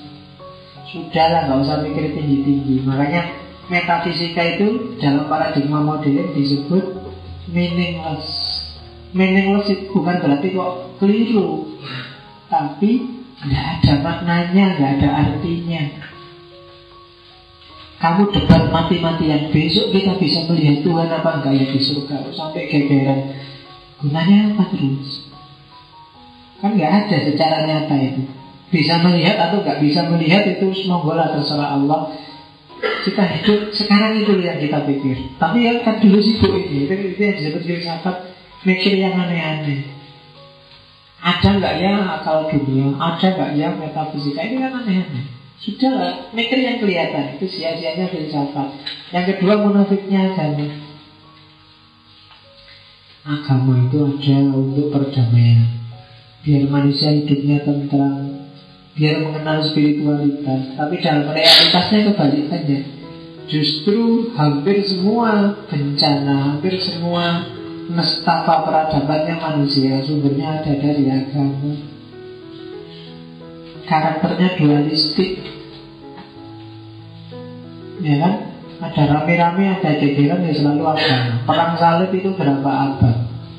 Nggak cuma antar agama sesama agama beda kelompok juga tawuran. Kadang-kadang sama agama sama-sama kelompoknya. Podo ini podo Muhammadiyah beda partai tawuran Sesama partai, sesama kelompok, sesama agama nggak ada apa-apa ya tawuran terus pecah. Jadi agama karakternya tidak jelas. Kalau bahasanya Voltaire ya hipokrisi, ah munafik ah. Katanya orientasinya Tuhan, ternyata yang punya kepentingannya sendiri-sendiri, keinginannya sendiri-sendiri. Ternyata yang dibela mati-matian pikirannya sendiri Kebenarannya sendiri Islam versinya sendiri. Itu yang kedua. Yang ketiga kekuatan uang yang merusak. Voltaire memang agak anti uang Mungkin karena dia sudah kaya. Nah, orang yang bisa anti uang itu biasanya karena dia sudah kaya Yang belum kaya mesti uang aja nggak punya mau dianti apa aja. Itu ekonomi. Terus nah ini yang agak unik. Dia tidak percaya dengan optimisme. Orang yang optimis terus itu orang bodoh. Orang yang tidak waspada tenang aja aman enak enak tenang aja. Itu alamat yang keceklong besok orang orang hidup itu harus waspada dong. Yang dipikir kemungkinan jelek jangan kemungkinan baik. Kalau kamu mikir kemungkinan baik terus ya akhirnya begitu ketemu yang jelek kamu kontak banting tapi kalau kamu pilih kemungkinan yang jelek kamu siap ketika datang yang jelek. Kalau yang datang bagus alhamdulillah. Jarang orang tidak siap sukses Hampir semua orang siap untuk sukses, siap untuk kaya, siap untuk enak. Yang sering bikin nggak siap kan miskin, nggak enak, supek itu orang nggak siap. Nah, maka ini yang kamu siapkan. Gimana caranya aku siap untuk tidak sukses? Nah, itu yang susah. Jadi bodoh kalau kamu disuruh kita berpikir positif aja enggak. Untuk yang enak-enak itu kita nggak usah berpikir otomatis siap kok. Yang negatif-negatif itu kita yang nggak siap. Maka ayo kita siapkan. Nah itu cara berpikirnya Voltaire. Nah, jadi kalau ada yang masih sudah lah kita berpikir positif aja. Lo sudah kalau berpikir positif kita aman. Yang susah itu kita berpikir negatif. Ah nanti jangan-jangan di sana kedinginan, akhirnya kamu malah selimut.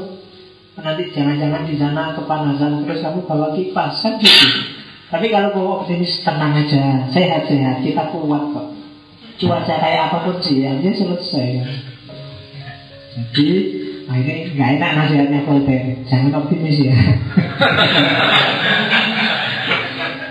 Jadi siapkan untuk kemungkinan yang jelek-jelek.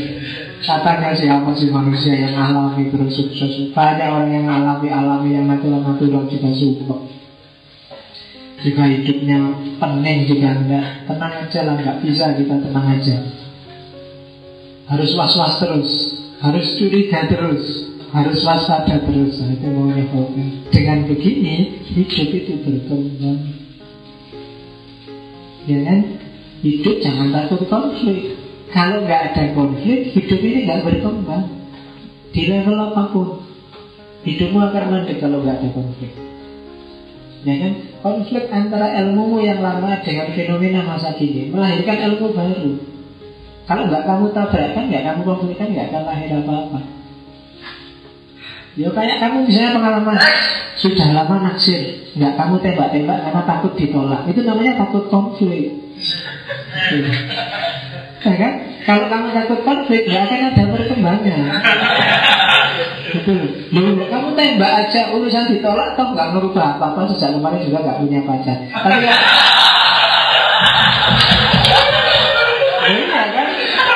Loh, kalau diterima Alhamdulillah ada perkembangan sekarang Teori konflik itu kan gitu. Makanya kamu jangan takut konflik. Konflik itu bikin kita berkembang. Ya dalam hal apa pun ya cuma urusan pacar Kamu ngerti ini pacar Belajar juga gitu konflik. Ini nonton sepak bola atau belajar itu kan konflik sama orang tuamu juga gitu. Ada konflik-konflik mesti hubunganmu jadi berkembang semakin bagus? Ya yang sudah punya pacar biar hubungannya semakin berkembang ya dibikin konflik dikit-dikit Loh iya kan? Loh, kalau sudah aman misalnya Allah percaya pacarku nggak mungkin cari yang lain. Mesti nggak berkembang tiba-tiba kamu terjebak ternyata ikut juga sama orang lain tapi kalau dibikin konflik dikit-dikit kamu agak seminggu-seminggu dikit misalnya. Itu kan rame kan terusan. Mau kamu bener loh iya ya bener itu cuma jajal kok misalnya. Nah itu konflik itu masalah ya oke. Itu manipulator tadi loh jadi jangan terlalu optimis loh kamu dibohongin orang. Gitu. makanya kan ada di saya lupa di Facebook itu ada yang bilang hidup itu tidak semudah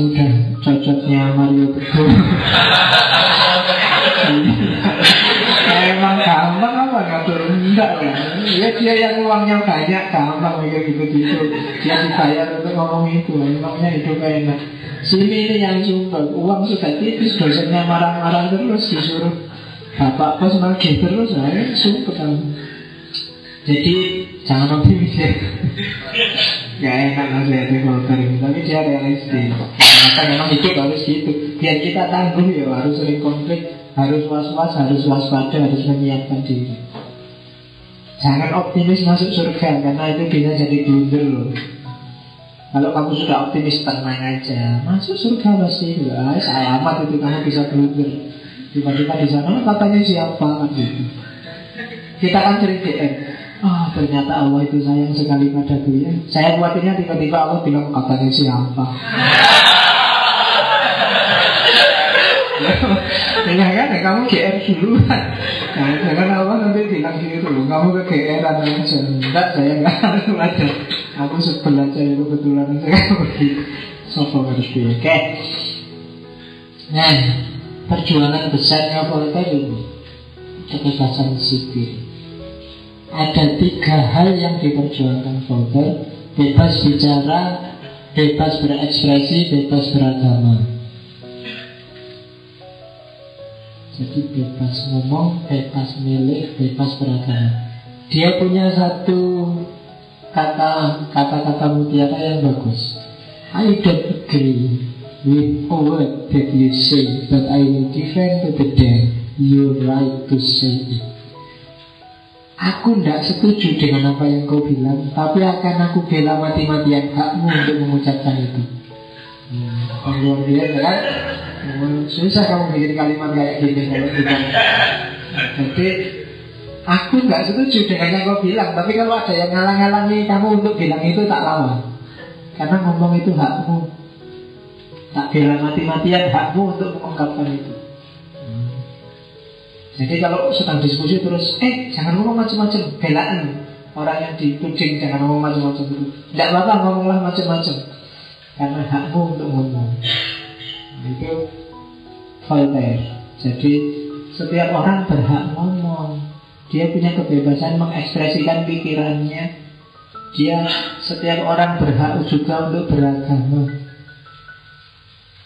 Setiap institusi berhak juga mengembangkan dirinya itu kebebasan sipil Nggak boleh ada pelarangan-pelarangan Loh, Urusan omongannya benar apa salah? Dituruti apa enggak? Itu urusan kemudian.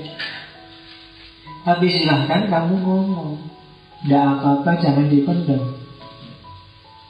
Karena itu hakmu Kan tak bilang tadi di antara yang diperjuangkan di Perancis adalah menjamin hak-haknya manusia. Yang nanti di antara hasil perjuangannya Perancis era pencerahan kan melahirkan prinsip-prinsip hak deklarasi hak asasi manusia yang pertama yang melahirkan LBB Bangsa-Bangsa sebelum lahir deklarasi of human rights. Jadi perjuangan pertama Volker adalah kebebasan sipil. Ini rumusnya. Nah, yang agak unik ini. Volker mendukung kebebasan tapi dia tidak senang dengan demokrasi. Nah itu khas ini. Beda sama yang lain. Jadi tidak mesti loh orang yang menjunjung kebebasan itu suka demokrasi. Dia setuju monarki, raja tapi yang konstitusional. Yang raja ini disetir oleh konstitusi, bukan raja yang semena-mena. Orang hebat, anggaplah jadi raja, tapi dia dikerangkai oleh konstitusi. Mungkin Indonesia lebih pas kayak gini. Karena rakyatnya susah mikir sendiri, tidak mandiri, gampang dibohongi. Perlu ada seorang raja yang luar biasa, kalau bahasanya Plato, raja filosof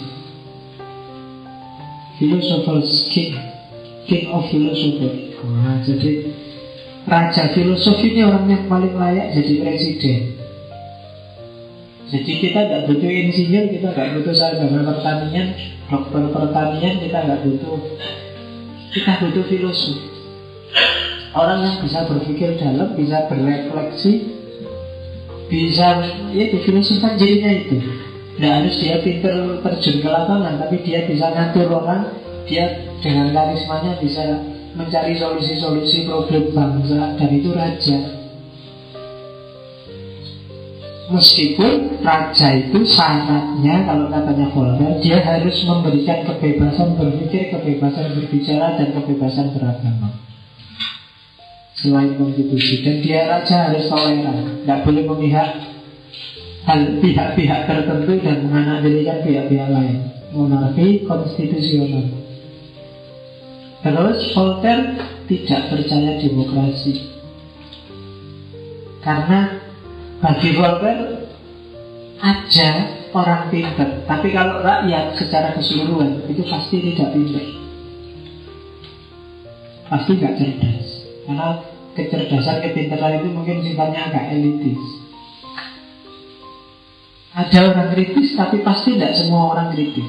Kalau mendengarkan pendapatnya semua orang, mungkin yang lebih besar adalah orang yang tidak kritis. Maka katanya Voltaire, tidak justru dengan demokrasi akan kelihatan bodohnya masyarakat. Kan kita kelihatan bodoh kan tiap pemilu dibohongi ya sih manut baik.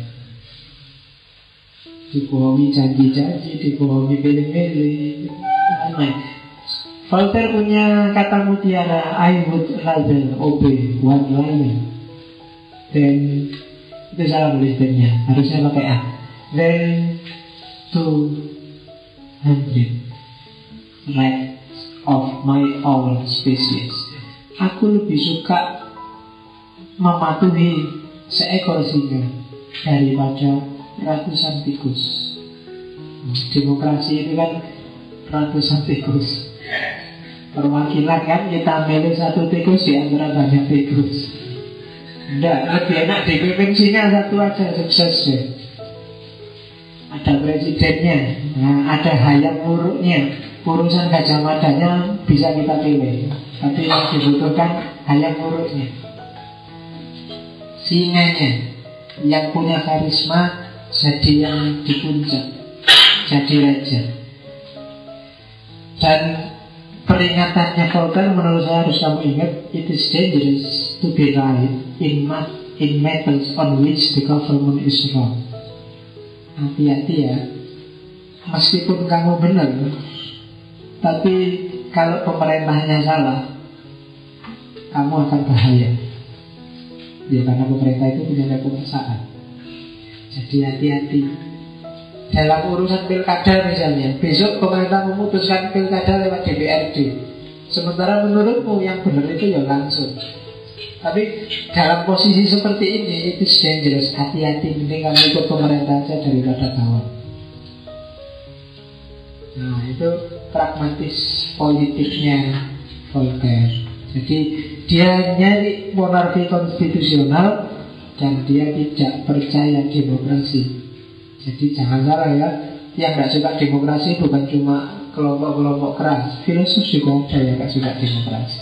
Bahkan filosof modern lagi, bahkan pelopornya pencerahan lagi. Itu bisa kamu jadi nah, ya demokrasi itu salah satu sistem di antara banyak sistem. Apa nggak ada kelemahannya banyak? Cuma bagi banyak orang demokrasi itu di antara sistem yang lain itu kelemahannya paling sedikit. Apa ya begitu ya nggak tahu. Karena pengalaman sejarah kalau era kontemporer yang sukses dengan demokrasi hanya beberapa negara. Sukses sekali dengan beberapa yang demokrasi tapi rusak juga banyak. Sementara yang model monarki kerajaan yang sukses juga banyak. Kalau modelnya monarki tapi presidennya khalifahnya kayak Umar bin Abdul Aziz nggak apa-apa. Meskipun demokrasi tapi presidennya kayak siapa ya presiden sing rusak itu ya lebih baik ya. Umar bin Abdul Aziz itu kan luar biasa, khalifah tapi sufi. Waktu dia mau meninggal, bajunya itu lusuh sudah robek-robek. Menteri-menterinya bilang, ke istrinya Bu Khalifah Bu bajunya Khalifah ini diganti Masa raja bajunya robek-robek Udah mau meninggal Nanti banyak tamu yang takziah kan gak enak. Istrinya bingung Mau diganti pakai baju mana lagi? Oh, Bajunya cuma itu. Nah itu kan luar biasa kan itu. Khalifah Umar bin Abdul Aziz. Begitu dia dideklarasikan jadi Khalifah Dia sedih luar biasa Dia lari-lari pulang dan nangis hari semalam di rumah. Jadi kalau sekarang kan begitu dideklarasi kan langsung sujud syukur. Cuma tidak Aziz nangis dia lari pulang. Hari pertama kerja kecapean Begitu pulang mau tidur dimarahi sama anaknya Anaknya kecil umur 6-7 tahun Ditanya anaknya Ayah sampai mau apa? Mau tidur Loh kok sampai berani tidur? Masih banyak orang di ini Masih banyak rakyat miskin Masih banyak jadi kok sampai berani tidur? Apa ada jaminan besok bisa bangun? jadi Umar bin Abdul Aziz langsung astagfirullah. Jadi mau tidur nggak jadi. Nah kalau ada kayak gini aku model kerajaan juga tidak apa-apa. Itu mungkin antara lain maunya sih Jadi lebih baik dipimpin oleh satu singa daripada 200 tikus Nah, kita sekarang kan diwakili oleh DPR yang memang semuanya ya tikus. rugi gitu kan. Mending cari satu aja yang benar-benar kita. Oke. Ya ini yang agama. Jadi kalau manusia ingin bebas sama sekali, dia harus berani melawan dominasi agama. Agama di sini maksudnya agama yang institusional, bukan spiritualitas. Agama yang sudah terorganisir. Katanya Voltaire, the root of all evil in the world is organized religion. Akarnya dari semua kejahatan di dunia ini adalah agama formal. Agama yang melembaga. Agama itu selalu memaksa orang untuk percaya Nah, Oke, termasuk juga sistemnya. Sistemnya kan sistem kependetaan. Sistem kependetaan itu tidak salah orang percaya pada Tuhan. Tapi kemudian ada orang-orang tertentu yang merasa dia dikasih hak oleh Tuhan untuk mewakili dirinya. Para pendeta. Dan manusia dipaksa tunduk oleh para pendeta itu. Dan inilah sumber dari segala sumber kemalangan manusia karena agama selalu disetir. Itu kan kayak saya bilang di tiga minggu yang lalu. Bahkan di Eropa abad tengah itu gereja para pendeta punya hak namanya hak atas paha. Jadi hak atas paha itu kalau ada manten malam pertamanya manten itu pendetanya boleh ngetes. Boleh ngecek ngecek lah biar nggak ngetes Nah, ngecek mempelai putrinya ini benar-benar perawat apa enggak? Orang baik apa enggak? Jadi di malam pertama itu pendetanya duluan. Namanya pendetanya punya hak atas saham Yang sekarang yang kayak gini sudah nggak ada. Kalau masih ada kamu pindah saja jadi pendeta. Iya, lumayan kan agak di pendeta. Loh, kalau di Indonesia itu sehari berapa kali orang nikah itu kan bisa bisa dapat tanya itu. Oke. Sayangnya di Islam nggak ada ya kan.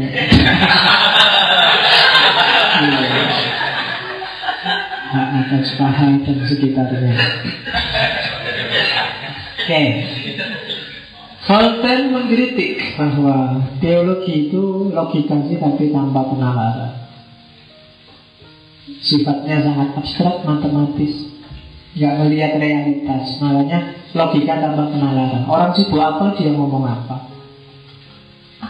Orang miskin nggak bisa makan, orang susah secara politik ditindas dia malah bahas kira-kira besok surga itu kayak gimana ya nah, itu logika tanpa penalaran yuk pikiran-pikirannya masuk akal logis tapi nggak nyambung sama realitas dan sejarahnya agama kan sejarah saling tuding sejarah saling menyalahkan sejarah saling melas, merasa benar sendiri itulah yang dilihat oleh Porter sehingga dia kecewa luar biasa dengan agama yang diformalkan agama yang jadi institusi oleh karena itu dia lebih setuju agama yang alamiah. Makanya tadi dia termasuk salah seorang yang deistik. Percaya pada Tuhan. Bahkan katanya Voltaire, kalau Tuhan itu memang nggak ada, kita harus bikin biar ada. Karena memang secara rasional harusnya ada Tuhan. Dari fenomena-fenomena alam, realitas keseharian itu harusnya memang Tuhan itu benar-benar ada. Cuma bukan Tuhan yang dogmatis yang ada di kitab suci yang kemudian jadi sumber konflik. Jadi dia terus jadi deis. Mungkin Tuhan memang setelah dia menciptakan manusia ditinggalkan untuk ngopeni jadi khalifahnya di alam semesta dikelola sesuai versinya manusia besok Allah tinggal menghisap. Mungkin gitu. Dan Voltaire tetap kukuh bahwa Tuhan itu ya kayak pembuat jarum jam Buktinya apa? Ya alam semesta ini. Buktinya Allah masih sunatullah Sehingga Allah nggak perlu tiap peristiwa dia intervensi Sudah ada hukumnya sendiri Dan kalau kamu mengikuti hukum itu Kamu akan sukses. Kalau memang hukum itu mengarah pada kesuksesan. Itu pikiran Voltaire tentang agama. Ya, jadi agama alamiah itu rumusnya gimana sih cara berperilaku sesuai agama alamiah?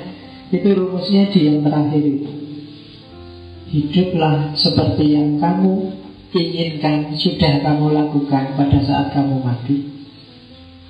Jadi cita-citamu apa sih?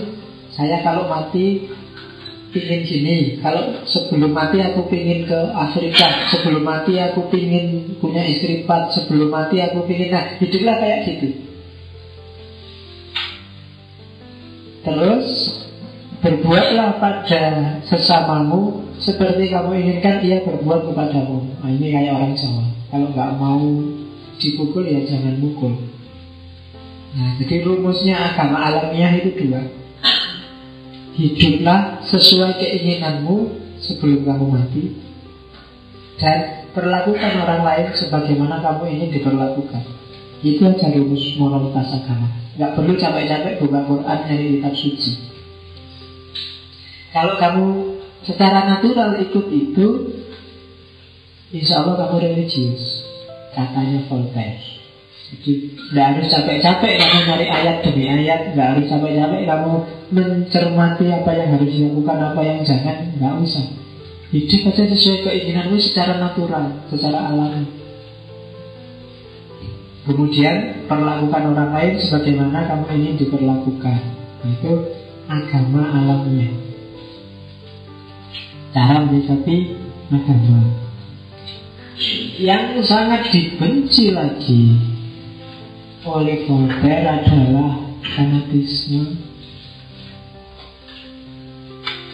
Jadi agama adalah sumber bencana dalam peradaban manusia. Kenapa agama jadi begitu? Karena ada fanatisme. Fanatisme itu right or wrong my country. Benar salah agamaku, kelompokku. Makanya Nabi bilang, Laisa minna man da'a ila asobiyah, laisa minna man mata ala asobiyah. Orang yang mengklaim kebenaran jadi miliknya sendiri Dia tidak akan masuk golongan kita Orang yang fanatik Tidak akan masuk golongan kita Ada yang bilang Fanatik pada kelompok nggak boleh pak Tapi oh, yang boleh kan fanatik pada Islam Iya benar sih Cuma Islam versimu kan selalu Islam kelompok Iya kan Islam yang kamu jalani kan Islam menurut tafsir siapa, menurut kelompok apa. Jadi itu ungkapan yang kalau pakai Islam Voltaire ya itu absurd. Jangan fanatik pada kelompok, fanatiklah pada Islam. Padahal Islam itu ya Islam versi kelompokmu. Jadi sama aja pada akhirnya. Saya kan fanatiknya pada Islam ya Pak, bukan pada NU-nya. Nah, Islammu ya Islam NU itu. Sama aja. Jadi jangan fanatik. Apa nggak boleh Pak jadi NU boleh tapi jangan fanatik. Apa nggak boleh jadi Muhammadiyah boleh tapi jangan fanatik. Tidak fanatik itu berarti kamu bisa bilang tidak kalau nggak cocok sama kebenaran yang kamu yakini. Kalau nggak seret dengan pikiranmu, dengan hatimu, kamu bisa bilang tidak. Itu namanya kamu nggak fanatik. Kalau kamu merasa nggak seret, masa kayak gini sih aku merasa nggak cocok, tapi nggak berani bilang tidak, itulah tandanya kamu sedang fanatik. Hmm. Nggak bisa yang lain harus itu, itu namanya fanatik. Jadi dan ini kalau agama-agama dia jadi sumber masalah.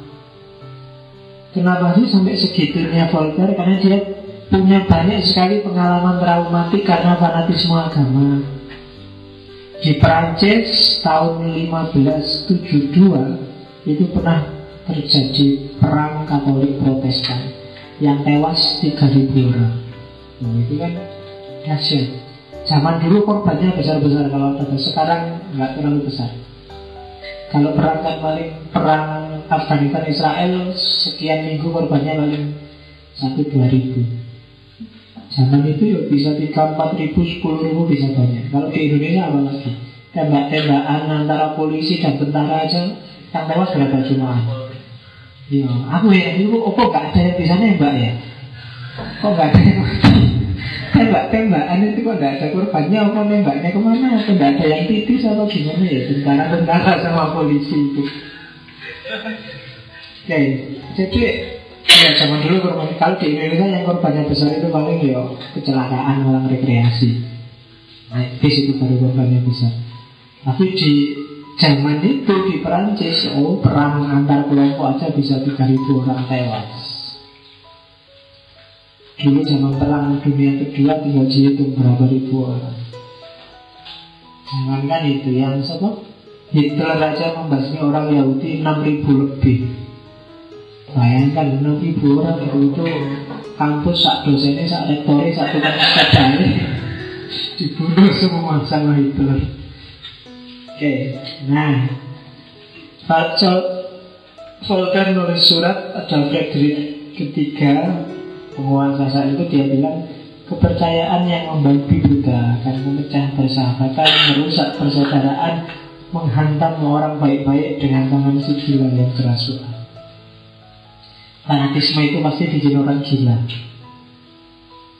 Apalagi kalau pas bareng-bareng Kenapa sih kok ada orang bisa ganas kalau pas bareng-bareng ya? Karena tadi fanatisme yang dikumpulkan bareng-bareng FPI itu bisa ganas ya gitu ya Karena pas bareng-bareng mereka sendiri-sendiri nggak bisa.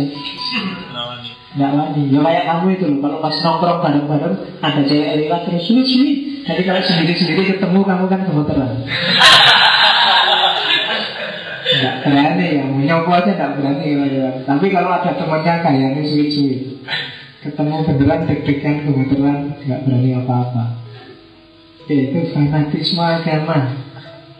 Nah, saya bilang tadi, Voltaire agak senang sama Islam.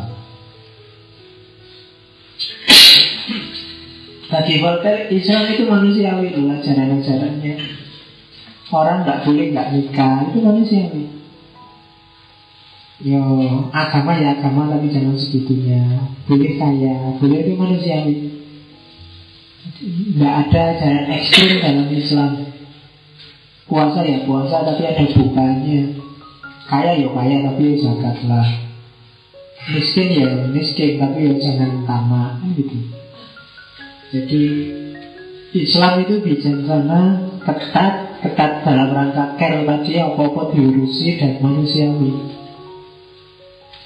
Dan bagi Voltaire Islam lebih konsisten Contohnya ya dia Yang dilihat dia Turki Osmani Turki Osmani itu sangat toleran Terhadap agama lain Meskipun dia menjelajah ke mana-mana menguasai Sepertiganya dunia saat itu Sama dia jaya-jayanya Voltaire juga kagum pada Nabi Muhammad panglima perang, nabi, penakluk, pembuat undang-undang, ya kan? Perkasa luar biasa, tapi juga lembut luar biasa. Pinter luar biasa, dia bisa jadi raja tapi milih hidup miskin. Itu kan Volker terkagum-kagum gitu kan. Nabi Muhammad itu kan kalau mau dia bisa jadi raja kaya raya, menaklukkan seperti dunia tapi ya Nabi lebih suka tidur di bawah pohon, nggak pakai baju. Pernah tiga hari nggak makan, sehingga sabuknya diganjel sama batu. Jadi sabuknya diganjel sama batu tiga, karena kalau nggak diganjel, sabuknya mesti melotrok, karena perutnya melempet. Jadi akhirnya diganjel batu. Jadi waktu rokok dan sujud itu bunyi, produk, produk gitu kan sahabat-sahabat yang Nabi ini jangan-jangan sakit, jangan-jangan sudah osteoporosis tulangnya bunyi. Tapi habis sholat ditanya nanti sakit sampai enggak enggak sakit sih cuma ini loh batunya bunyi karena sudah tiga hari nggak makan iya kan? Jadi Nabi memilih hidup seperti itu. Padahal dia bisa hidup mewah-mewah. Rumahnya aja cuma dua kali dua meter. Berbeda jauh sama kos-kosanmu kamar kosmosnya bisa 34, 33 meter. Tapi cuma 2 kali dia dan itu bikin kagum Voltaire jadi manusia yang dahsyat melahirkan peradaban baru yang luar biasa tapi hidupnya sangat sederhana manusia yang paling dicintai Allah dari semua manusia yang lain sejak Nabi tapi hidupnya cuma kayak gitu aja nah, itu kan membanggakan bagi Voltaire Voltaire yang meyakini kayak tadi moralitas universal itu ada, keabadian jiwa itu ada, pembalasan itu ada. Meskipun dia seorang deis. Moralitas universal berarti oh, baik buruk yang pakai dasar akal. Itu ada. Nah, ada banyak. Sudah jam 10 harusnya tak jelasin detail-detail tapi ya loncat-loncat pelan-pelan aja ya. Saya punya banyak. Kalau kamu buka internet ada banyak. Kata mutiara yang dipetik dari bukunya Voltaire karena karyanya banyak. Tak bawa ke sini beberapa. Misalnya ini to learn who rules over you simply find out who you are not allowed to criticize kalau kamu ingin tahu siapa sih yang mendominasi kamu, yang menghegemoni kamu, yang nyetir hidupmu, gampang. Carilah siapa pun orang atau lembaga yang kamu tidak bisa mengkritik. Berarti orang atau lembaga itulah yang sekarang menghegemoni kamu. Apakah itu dosen, apakah itu orang tua, apakah itu organisasi intra, ekstra Yang kamu nggak bisa mengkritik dia Berarti kamu sedang dihegemoni olehnya. Nah, termasuk pacar kamu. Kamu kalau nggak jemput dimarah-marahi nggak SMS sehari aja dimarah-marahi terus terpaksa kamu tiap hari SMS dan jemput. Nah itu berarti kamu tidak boleh kritis berarti dia sedang menghegemoni dirimu kamu sedang didominasi Jadi gampang cirinya. Kamu manusia terjajah atau manusia bebas, cari aja variabel-variabel hidupmu. Ada nggak yang kamu nggak berani kritik? Jangan, nah, kalau dosen yang itu jangan. Eh, ustad ya, so aku alat nanti. Oh ya sudah, kalau ada yang kayak gitu berarti ada memang variabel-variabel yang menghegemoni hidupmu. Itu pepatah pertama. Nah ini enak kalau kamu pakai. Life is too short time too valuable to spend it in telling what is useless. Jangan terlalu banyak ngomong yang gak ada gunanya. Hidup itu singkat, waktu itu berharga. Eman-eman waktumu, eman-eman hidupmu. Isi dengan yang baik-baik. Jangan suka nongkrong, ngobrol yang gak jelas. Nah itu maksudnya vulgar. Mending baca buku, mending nulis ada gunanya. Jangan salah, Voltaire ini kalau di sini ada yang ahli minum kopi. Voltaire ini maniak kopi. Satu hari dia bisa menghabiskan 40 sampai 50 cangkir kopi. Iya.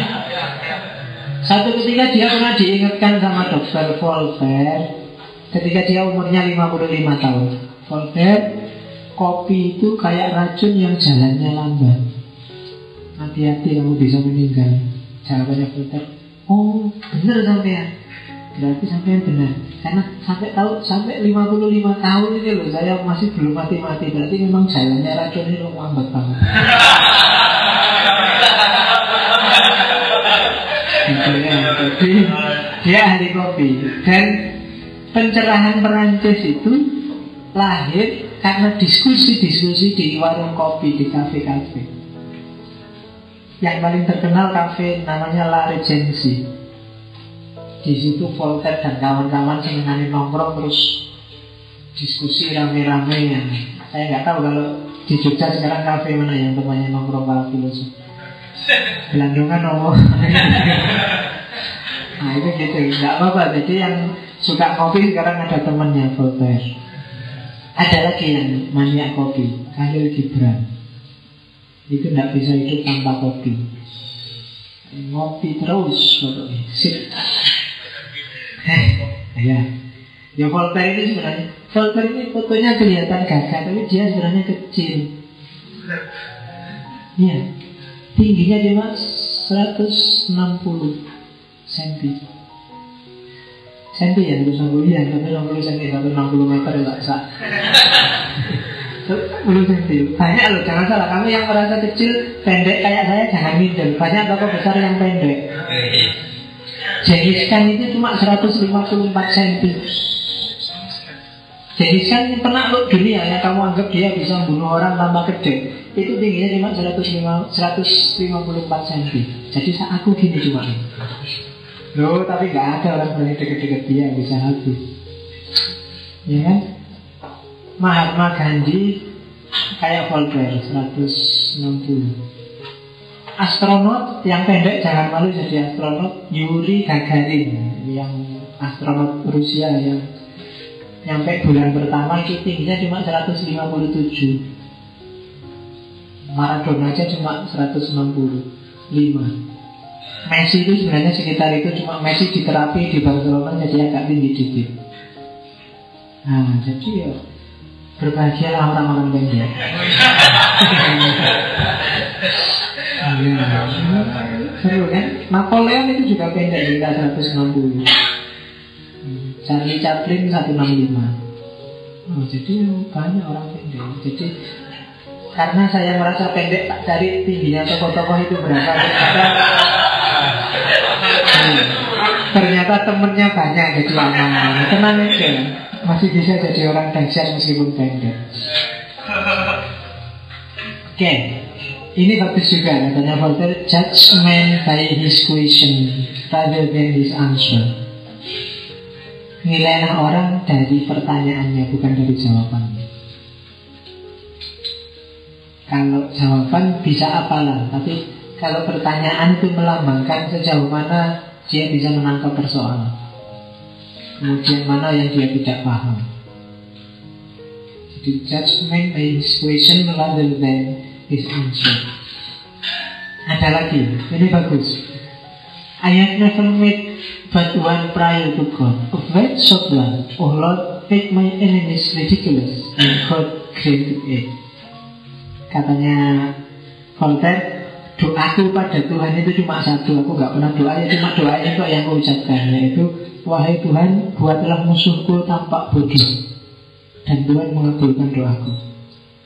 Jadi, usah doa macam Dia pernah satu ketika Waktu dia diasingkan di Inggris Orang Inggris itu kan benci luar biasa sama orang Perancis Nah waktu dia diasingkan di sana Itu dia dimak dimarahi orang banyak Bunuh aja orang Perancis Bunuh aja orang Perancis Nah terus Voltaire teriak-teriak Loh kamu kok ngomong gitu? Apa tidak cukup hukumanku bahwa aku jadi orang Perancis Oh aku tidak lahir di Inggris? Itu kan hukuman yang luar biasa bagiku. Terus orang-orang oh iya ya Berarti kamu sudah menderita ya jadi orang Prancis. Gitu ya sudah. Itu sebenarnya Doanya dikabulkan Buatlah musuhku tampak bodoh Dan Tuhan mengabulkan. Jadi itu kan Di antara Hidup yang bahagia itu kan orang yang gak kamu senangi Kelihatan bodoh, kelihatan susah, kelihatan sumpah kan itu. Dan itu yang didoakan oleh Luther dia nggak pernah minta macam-macam dia mintanya biar musuhnya kelihatan bodoh. Those who can make you believe? Absurdities can make you commit atrocities?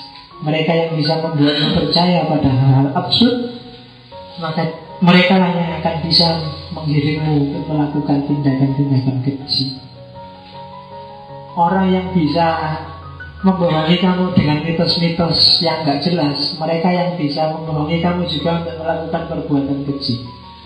Tenang aja, kalau kamu mati, 76 bidadari langsung menyambutmu. Oh, itu kan absurd kan cerita-cerita kayak gini. Tidak jelas maksudnya, tapi dimasukkan padamu dan akhirnya kamu mau juga melakukan perbuatan-perbuatan keji. Barang siapa ikhlas dimadu maka surga menantinya. Wah itu kan dimanfaatkan kayak gitu akhirnya. Ketika banyak orang percaya hal-hal absurd maka orang yang kamu percayai inilah nanti yang mendorongmu pada perbuatan-perbuatan keji. Mari kita jihad, balasannya langsung surga. Mari kita bantai Yahudi. Ya itu terus. Jadi mereka yang bisa mengiringmu pada hal absurd, mereka pula yang akan membawamu pada perbuatan-perbuatan keji. Nah ini yang bagus When it comes to money Everyone is on the same religion nah, Kalau urusannya duit Setiap orang agamanya sama sudah Kalau ini duit itu suatu kakek Tidak mikir macam-macam guys Apakah kesolehan, apakah anu Yang penting ada yang bayar apa enggak Itu beres. Ada uangnya apa enggak? Uang itu kan Uang memang tidak penting. Dia tidak boleh uang jadi nomor satu Tapi uang dibutuhkan di semua nomor. Nah ya kan? Kamu tidak boleh memposisikan uang di nomor satu Karena dia nomor dua juga butuh uang Nomor tiga juga butuh uang Jadi come to Itu kan gambarnya Rojo sama Gus itu Ya itu kan urusannya uang juga. Agamanya beda tapi uangnya sama. Jadi it comes to money Everyone is on the same religion. Agama di podo. Dan yang terakhir nasihat bagus dari Voltaire Don't think money does everything. Or you are going to end up doing everything for money Jangan kamu anggap uang itu bisa melakukan segalanya Kalau kamu punya anggapan semacam ini Maka kamu akan berakhir dengan melakukan segalanya demi uang. Nah, itu dalam ini. Ini PR coba kamu pikir nanti diri. Kalau menurutmu uang adalah segalanya, maka akhirnya kamu akan melakukan segalanya demi uang. Ya kan? Kalau apa-apa uang, maka kamu tidak akan mau apa-apa kalau nggak ada uangnya, kan gitu. Kalau kamu sudah bilang ya nggak bisa pak, apa-apa yang butuh uang, itu berarti kalau nggak ada uangnya kamu tidak akan melakukan apa-apa. Voltaire. Ya ini semacam cuma pengantarnya sebenarnya masih panjang, masih luas sekali pikirannya Voltaire. Saya cuma mancing-mancing aja malam ini. Gak mungkin tak omongkan sekali. Yang berminat cari aja di internet lah mungkin. Ada beberapa website yang bisa kamu unduh. Beberapa novelnya gratis. Termasuk yang sudah diterjemah dalam bahasa Inggris. Yang bahasa Indonesia ada beberapa buku yang bagus. Cuma saya lupa judulnya yang saya ingat ada beberapa novelnya tadi. Si Lugu baru tak baca waktu aku semester 2 atau semester 3 S1 itu judulnya Si Lugu. Terus ada juga Si Pendeta. Cerita-ceritanya agak satir. Agak misalnya ada orang baik orang ini baik banget sampai dibohongi orang lain ini kan satir. Kritik pada agama kritik pada filsafat nah itu karakternya Voltaire. Oke ada yang ditanyakan Alhamdulillah nggak ada jam 10 ya kalau ada yang mau tanya, mau diskusi, mungkin forum ini terbatas, waktunya nggak luas, boleh ketemu saya di luar. Mungkin di kampus, di UIN, atau Facebook boleh, cuma biasanya paling nggak Facebook tak buka 2-3 hari sekali. Kalau tiap hari mungkin enggak. Jadi mungkin ada yang ditanyakan. Karena ya memang ruangnya space waktunya nggak sempit. Kalau salah jadi sampai jam 11 mungkin kamu juga apalagi saya kasihan. Ya jadi saya akhiri sekian. Wallahul muwafiq Wallahu a'lam Wassalamualaikum warahmatullahi wabarakatuh. Waalaikumsalam